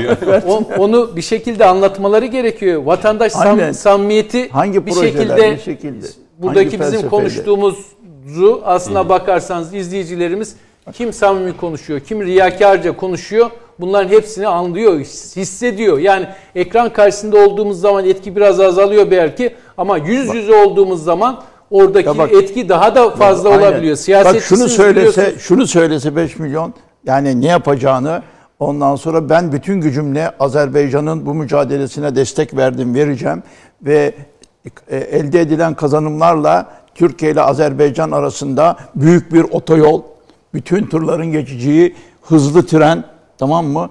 Ve bu şekilde Hazar Denizi'nden Türkmenistan'a, Kazakistan'a, Özbekistan'a bir an önce erişeceğim. Hı hı. Çünkü neden? Türk sınırından e, e, şey Azerbaycan birkaç yüz kilometre. Yani Nahçıvan hemen Doğru. Nahçıvan'dan sonra. Hazar Denizi 400 kilometre.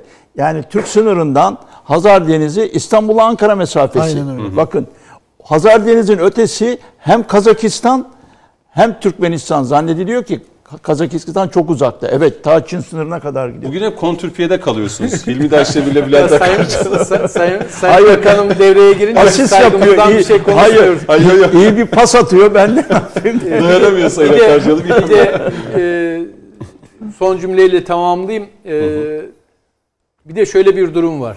Az önce söyledim ya Cumhuriyet Halk Partisi çözer diyenlerin oranını Cumhuriyet Halk Partisi'nin bizim yaptığımız araştırmalardaki oy oranı yüzde 23 24 civarında. E, Cumhuriyet Halk Partisi bu sorunları çözer diyenlerin oranı yüzde 15-16 civarında. Buradan ne sonuç çıkıyor? Oy verenlerin, Cumhuriyet Halk Partisi'ne oy verenlerin yüzde 30'u Cumhuriyet Halk Partisi bu sorunları çözebilir diyem- İnanmıyor. diyemiyor. İnanmıyor. Ve tüm muhalefet partilerinin şeylerini sorunları geliyor. çözer diyenlerin topladığımız zaman bir AK Parti'nin yüzde 33'lük bu sorunları çözer diyen kitlesi etmiyor. AK Parti'nin hataları, efendim eksik yaptıkları yok mu? Çok var. Sayın Cumhurbaşkanı başta bunları Dile e, getiriyor. dile getiriyor, eleştiriyor. Bunları daha iyi yapma gayreti içerisinde oluyor. Tabir caizse kendi muhalefetini de kendisi yapıyor. Ee, Kararsızların durumu nasıl? Turgut Özal da onu derdi. Şimdi bakın bu neye benziyor biliyor musunuz? Halkımız daha rahat anlasın diye. Ee, ben bir takımı tutuyorum. Tamam mı? Ben diyorum ki arkadaş benim takımım A. Ben A takımındanım. B değilim. E peki bu sene A takımının şampiyon olma şansı ne? Vallahi fazla yok diyorum aynı zamanda. Benim A takımının şampiyon olma e, şansını görmemem o takımdan olmadığımı göstermiyor. CHP'lerin işte bir kısmı o %30 da bu şekilde. Hilmi Hocam, yani CHP'li, durumu nedir? CHP'li ama CHP vazgeçmiyor. e, İnanmıyor. Ama %25'ler, mevcut yönetimin pardon, tamam mı bir şey %15'ler civarında. Bazılarının dediği gibi %30 kararsız, %25 kararsız evet, falan gibi bir yapıyorlar. şey yok. %10, 15 civarında kararsız var. Şimdi e, ama geceyi biraz daha şöyle müspet şeylerle bitirelim ya. tabii Yani konuşmak lazım. konuşuyoruz tabii. Hay- Hayır, e, Ay, gerçekten son cümleleri alacağım bugün çünkü 16-17 Bakın. 14 dakikam var. şeyden e, e, Türk tarihine baktığımız zaman e, Kurtuluş Savaşı ile başlayan başarılar, kazanç askeri olarak Hatay'la devam etti. Kıbrıs'ta devam etti. Tamam mı? Ondan sonra Suriye'ye yapılan harekatlarla devam. Bunlar hepsi başkasına karşı değil, hak ettiğimiz hususlar ve şimdi Azerbaycan'la. Yani iki millet tek e, tek iki devlet tek millet diyorduk. Belki ileriye yönelik bakarsın. Bak onu diyorum. Trakya mı? Tek devlet. Hayır, federasyona dönüşür. Türkiye ile Azerbaycan. Yani şu anda Azerbaycan'da Türkiye'ye yönelik olan eski sevgi yüzle katlanmış durumunda. Her yere Türk bayrağını başlık götürüyor. başlık çıkartıyor. Gazeteci perspektifi. Türk bayrağını götürüyor. Federasyon. Manşet- Niye olmasın? manşetler- Manşetlik şeyler söylüyor. Ha? ne? O federasyon ismi ne Sayın Bakan? Birleşme. Anladım. Turan. Yani tek hayır tabii İlhak değil yani. ya ben şimdi bunu şöyle diyeyim belki federasyon kelimesi Hayır, fazlaya Sayın- gitti. yani Sayın İlhak- rahmetli Yok Özal'ın öyle bir şey tabii. kafasında öyle İlhak bir şey var yani- değil mi? Ama artık sınırlar anlamında şeye Değil. gerek yok aslına bakarsanız. Yani nasıl ki Avrupa Birliği bir şeyine geldi tamam mı? Buradan yani bunu milliyetçi olarak da söylemiyorum ama benzer kültürlere sahip olan bu demek değil ki kim- her biri hiç kimse kimliğinden şusundan bundan vazgeçmiyor. Türkiye'nin yeri global dünya içindedir. Ağırlıklı olarak batı içinde olarak diğer cumhuriyetle Türk cumhuriyetleri de aynı şekildedir. Son derece çağdaş vesairesi. Şimdi ileriye yönelik bunlar var. Bunları görmemiz lazım. Yani e, Karabağ'da elde edilen sonuç hakikaten tarihi açıdan çok ciddidir. Biz bunu oturduğumuz yerden gördük, ettik, çok doğal kabul ediyoruz. Aa ne güzel oldu. Yok değil öyle bir şey değil. Yani Muhaç Zaferi gibi bir şey, Malazgirt Zaferi gibi bir Domino şey. etkisi yapacak Ya dünyada. bu- hani statükoyu değiştirdi. Ben dağıttım statüko Boşuna diyor herkes ya. rahatsız olmuyor. O yani. Ee, Ama tamam da kadar- vatandaşımıza bunu bunun önemini anlatmamız lazım. Pa- Çok Pompeo, pardon. bunun çok çabuk elde edilmesi bedavadan olduğu anlamında değil. Ta 1990'lardan beri Emin olun Sayın Akarcı en az 7-8 programı e, Azerbaycan başlığı olarak açtık gündem özel Yetmiyor. yaparken. Tabii yetmiyor ama konuşacağız mutlaka. Bunları da bir de hayır geleceği şimdi o e, savaş esnasındaydı.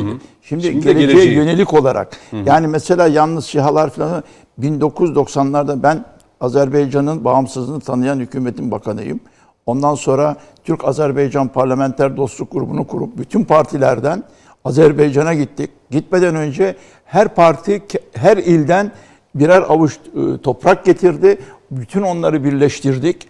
E, Türkiye Büyük Meclisi'nin e, bayrağı ve Türk bayrağını alarak ondan sonra rahmetli Elçi Bey'e gittik ettik.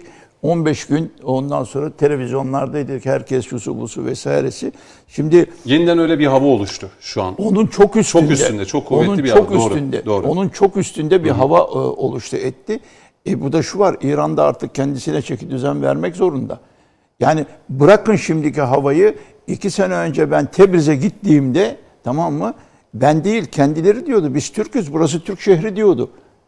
Bu ne İran'ı bölme anlamını Traktör taşır ne bilmem. biliyoruz. Yani şöyle 100 bin diyeyim. kişi. Bakın nedir bu anlatılması gereken? Şimdi Belçika'nın yarısı Fransızca konuşur. Tamam mı? Fransız'ı sever. Ama hiçbir zaman o Fransa'nın Belçika'nın yarısını alması anlamına gelmez. Yani İranlı komşularımızın da onu anlaması gerekecek. İran'da bugün nüfusun yüzde kırkını oluşturan e, Türk soylu yalnız Azerbaycan olarak değil, e, doğusunda da Türkmenler var, Özbekler var, şeyler var. Bunların bir ortak kültürü var. O ortak kültürde onlar içinde bulundukları Fars kültüründen, Farsçadan da tabii ki vazgeçmeyecekler etmiyor. Ama ortada nasıl ki Avrupa Birliği oluştuğunda ondan sonra Avusturya'nın Almanca konuşması, Alman, e, Almanya'nın Avusturya'ya hakim olmasının anlamına gelmiyorsa işte Belçika'nın e, kısmen e, İsviçre'nin kısmen Fransızca konuşması, Fransa'nın oraya hakim olması anlamına gelmiyorsa hatta İsviçre'nin bir kısmı İtalyanca konuşur. Dolayısıyla İtalya'nın İ- İsveç üzerinde İsviçre üzerinde hakkı vardır denmiyor vesairesi ise şimdi bu şekilde olacağını da bizim konuşmamız lazım. Bu son derece normal. Şimdi e, şey e, Fransa'nın eski kolonilerinden oluşan Frankofoni diyerekten iktisadi açıdan da bir nevi Avrupa Birliği gibi olan tek paraya bağlı çok kuvvetli bir yapısı var. Tabii, yani Macron onu çok şey diyor. E, İngilizlerin Commonwealth diye unutuldu. Ortak refah. Yani eski e, İngiliz e, sömürgelerin oluşturduğu bir yapı var. Hatta öyle ki Bizim şu anda böyledir. şu anda siyasi olarak bile hani itibari olsa da Kanada'nın cumhurbaşkanı yok. Tabii vali var. Kim var? Avustralya. Kraliçenin atadı, Kraliçenin İngiliz, atadı. Avustralya'nın, Yeni. Zelanda'nın Yeni yeni oluştu. Türk Keneşi. Çalışmaları çok iyi gidiyor. Yani şi- şimdi bunlar bizim e, esinlenmemiz gereken müspet e, yapılar ve bu müspet yapıları da Fransa'ya kardeşim sen nasıl Frankofoni'yi oluşturmuşsun, sen nasıl Commonwealth'i oluşturmuşsun, sen nasıl Avrupa Birliği'ni oluşturdun. Ha bu arada bunu yapmak demek Türkiye'nin Avrupa Birliği'den vazgeçmesi değil. Çünkü yapan Fransa'da, İngiltere'de e, Avrupa Birliği'ne girdi diyerekten Frankofoni, Commonwealth'i dağıtmadı.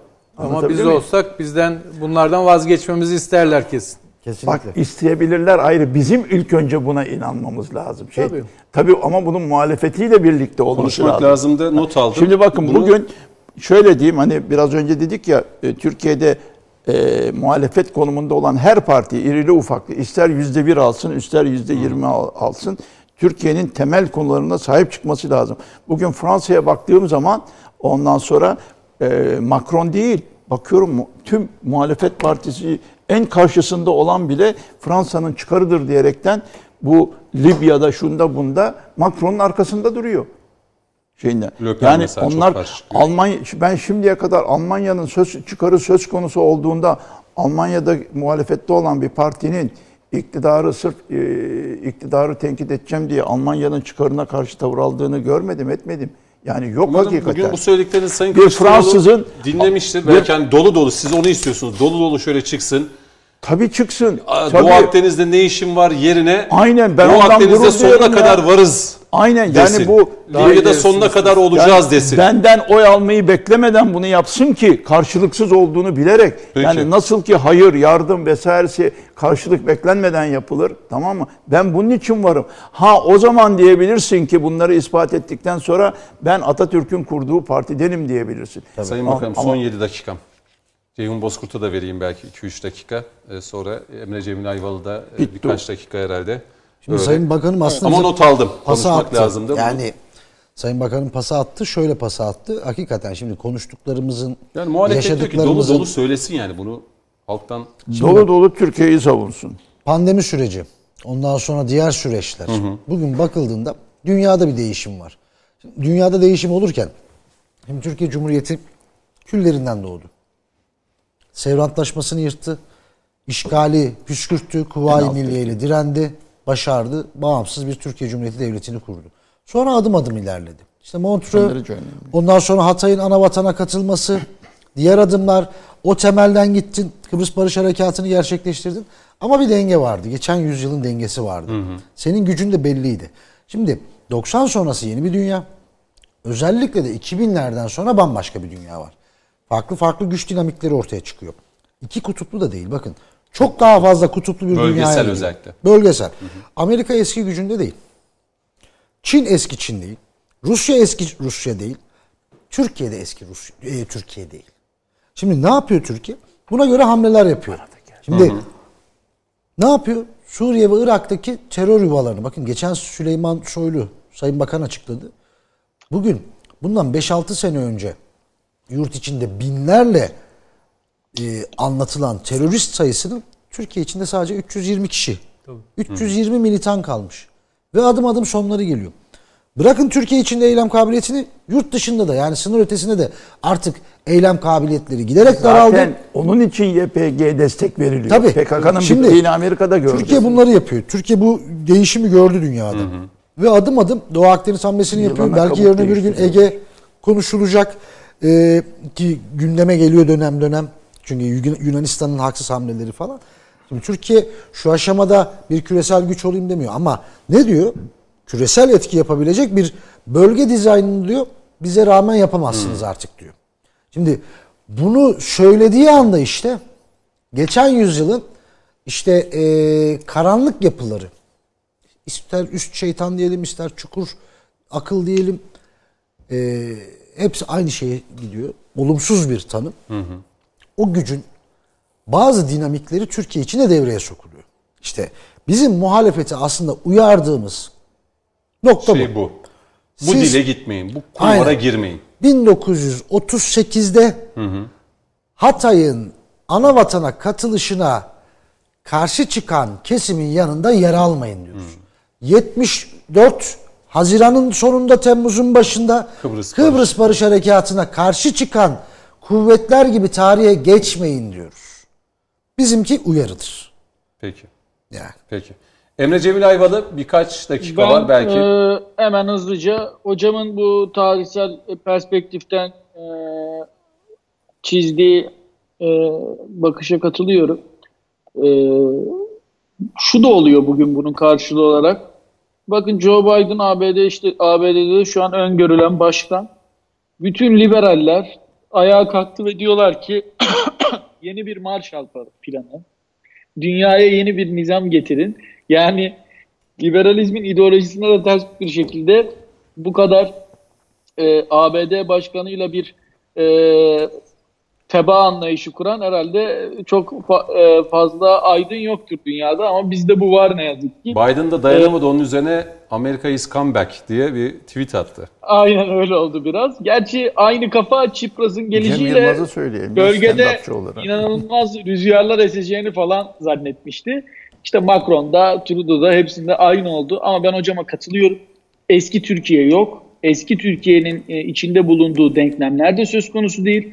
Biden'da, Batı bloku da artık Türkiye'yi gözeterek iş yapmak durumunda. Yoksa eğer PKK ile FETÖ ile iş yaparsanız işte e, Rusya artık her yerde. Libya'da var, Suriye'de var. Bunlar hep sizin Türkiye'yi öncelememeniz dolayısıyla oldu. Çok ciddi mevzi kazandılar. Ha, Türkiye'de şu an burada kendi çıkarları doğrultusunda hem Rusya'yı hem de ABD'yi dengeleyen tek bölgesel güç e, artık e, buna göre e, ABD'de pozisyon almak durumunda kalacaktır diyorum son olarak. Evet konuşmak lazımın ilk programıydı. Bugün e, TVNet ekranlarında ve ilk konuklarım da sizlerdiniz. Emre Cemil Ayvalı çok teşekkür ediyorum. İzmir'den katıldınız. Biz de çok teşekkür ederiz. Çok sağ olun. İzmir'e selamlar. Stüdyoya da bekleriz. Ee, İzmir'den Aleykümselam, katıldınız. Çok, çok sağ sağ olun.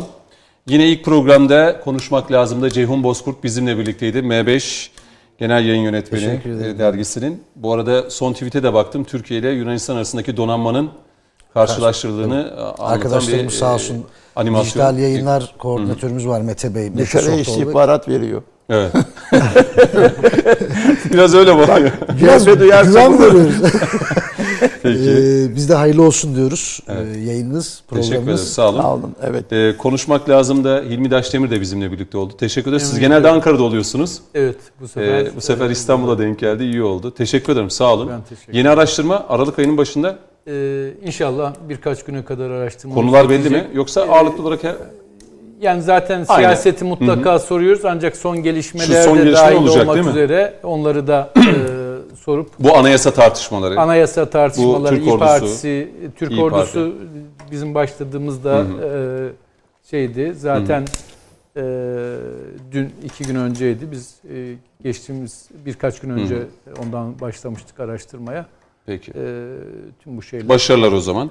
Bülent Akarcı sağ olun. Siz de deneyiminizde, tecrübenizde. Rica ederim. Çok da iyi oldu. Toplara iyi paslar yani. attınız. Hayır, hayır bana pas atıldı. Çok onun için çok teşekkür ediyorum. Çok sağ olun. Yani Konuştuk. onların sahip olduğu mesleki bilgiye ben sahip değilim. Dolayısıyla onlar o mesleki bilgiyle bana pası atınca ben de onu siyaseten gole çevirmeye Çok da güzel oldu. Sağ olun. Çok teşekkür ederim. Konuşmak lazım. Bitiriyoruz. Dört değerli konuma da teşekkür ediyorum. Önümüzdeki hafta pazartesi akşamı konuşmak lazım da yeniden karşınızda olacağız efendim. Hoşçakalın.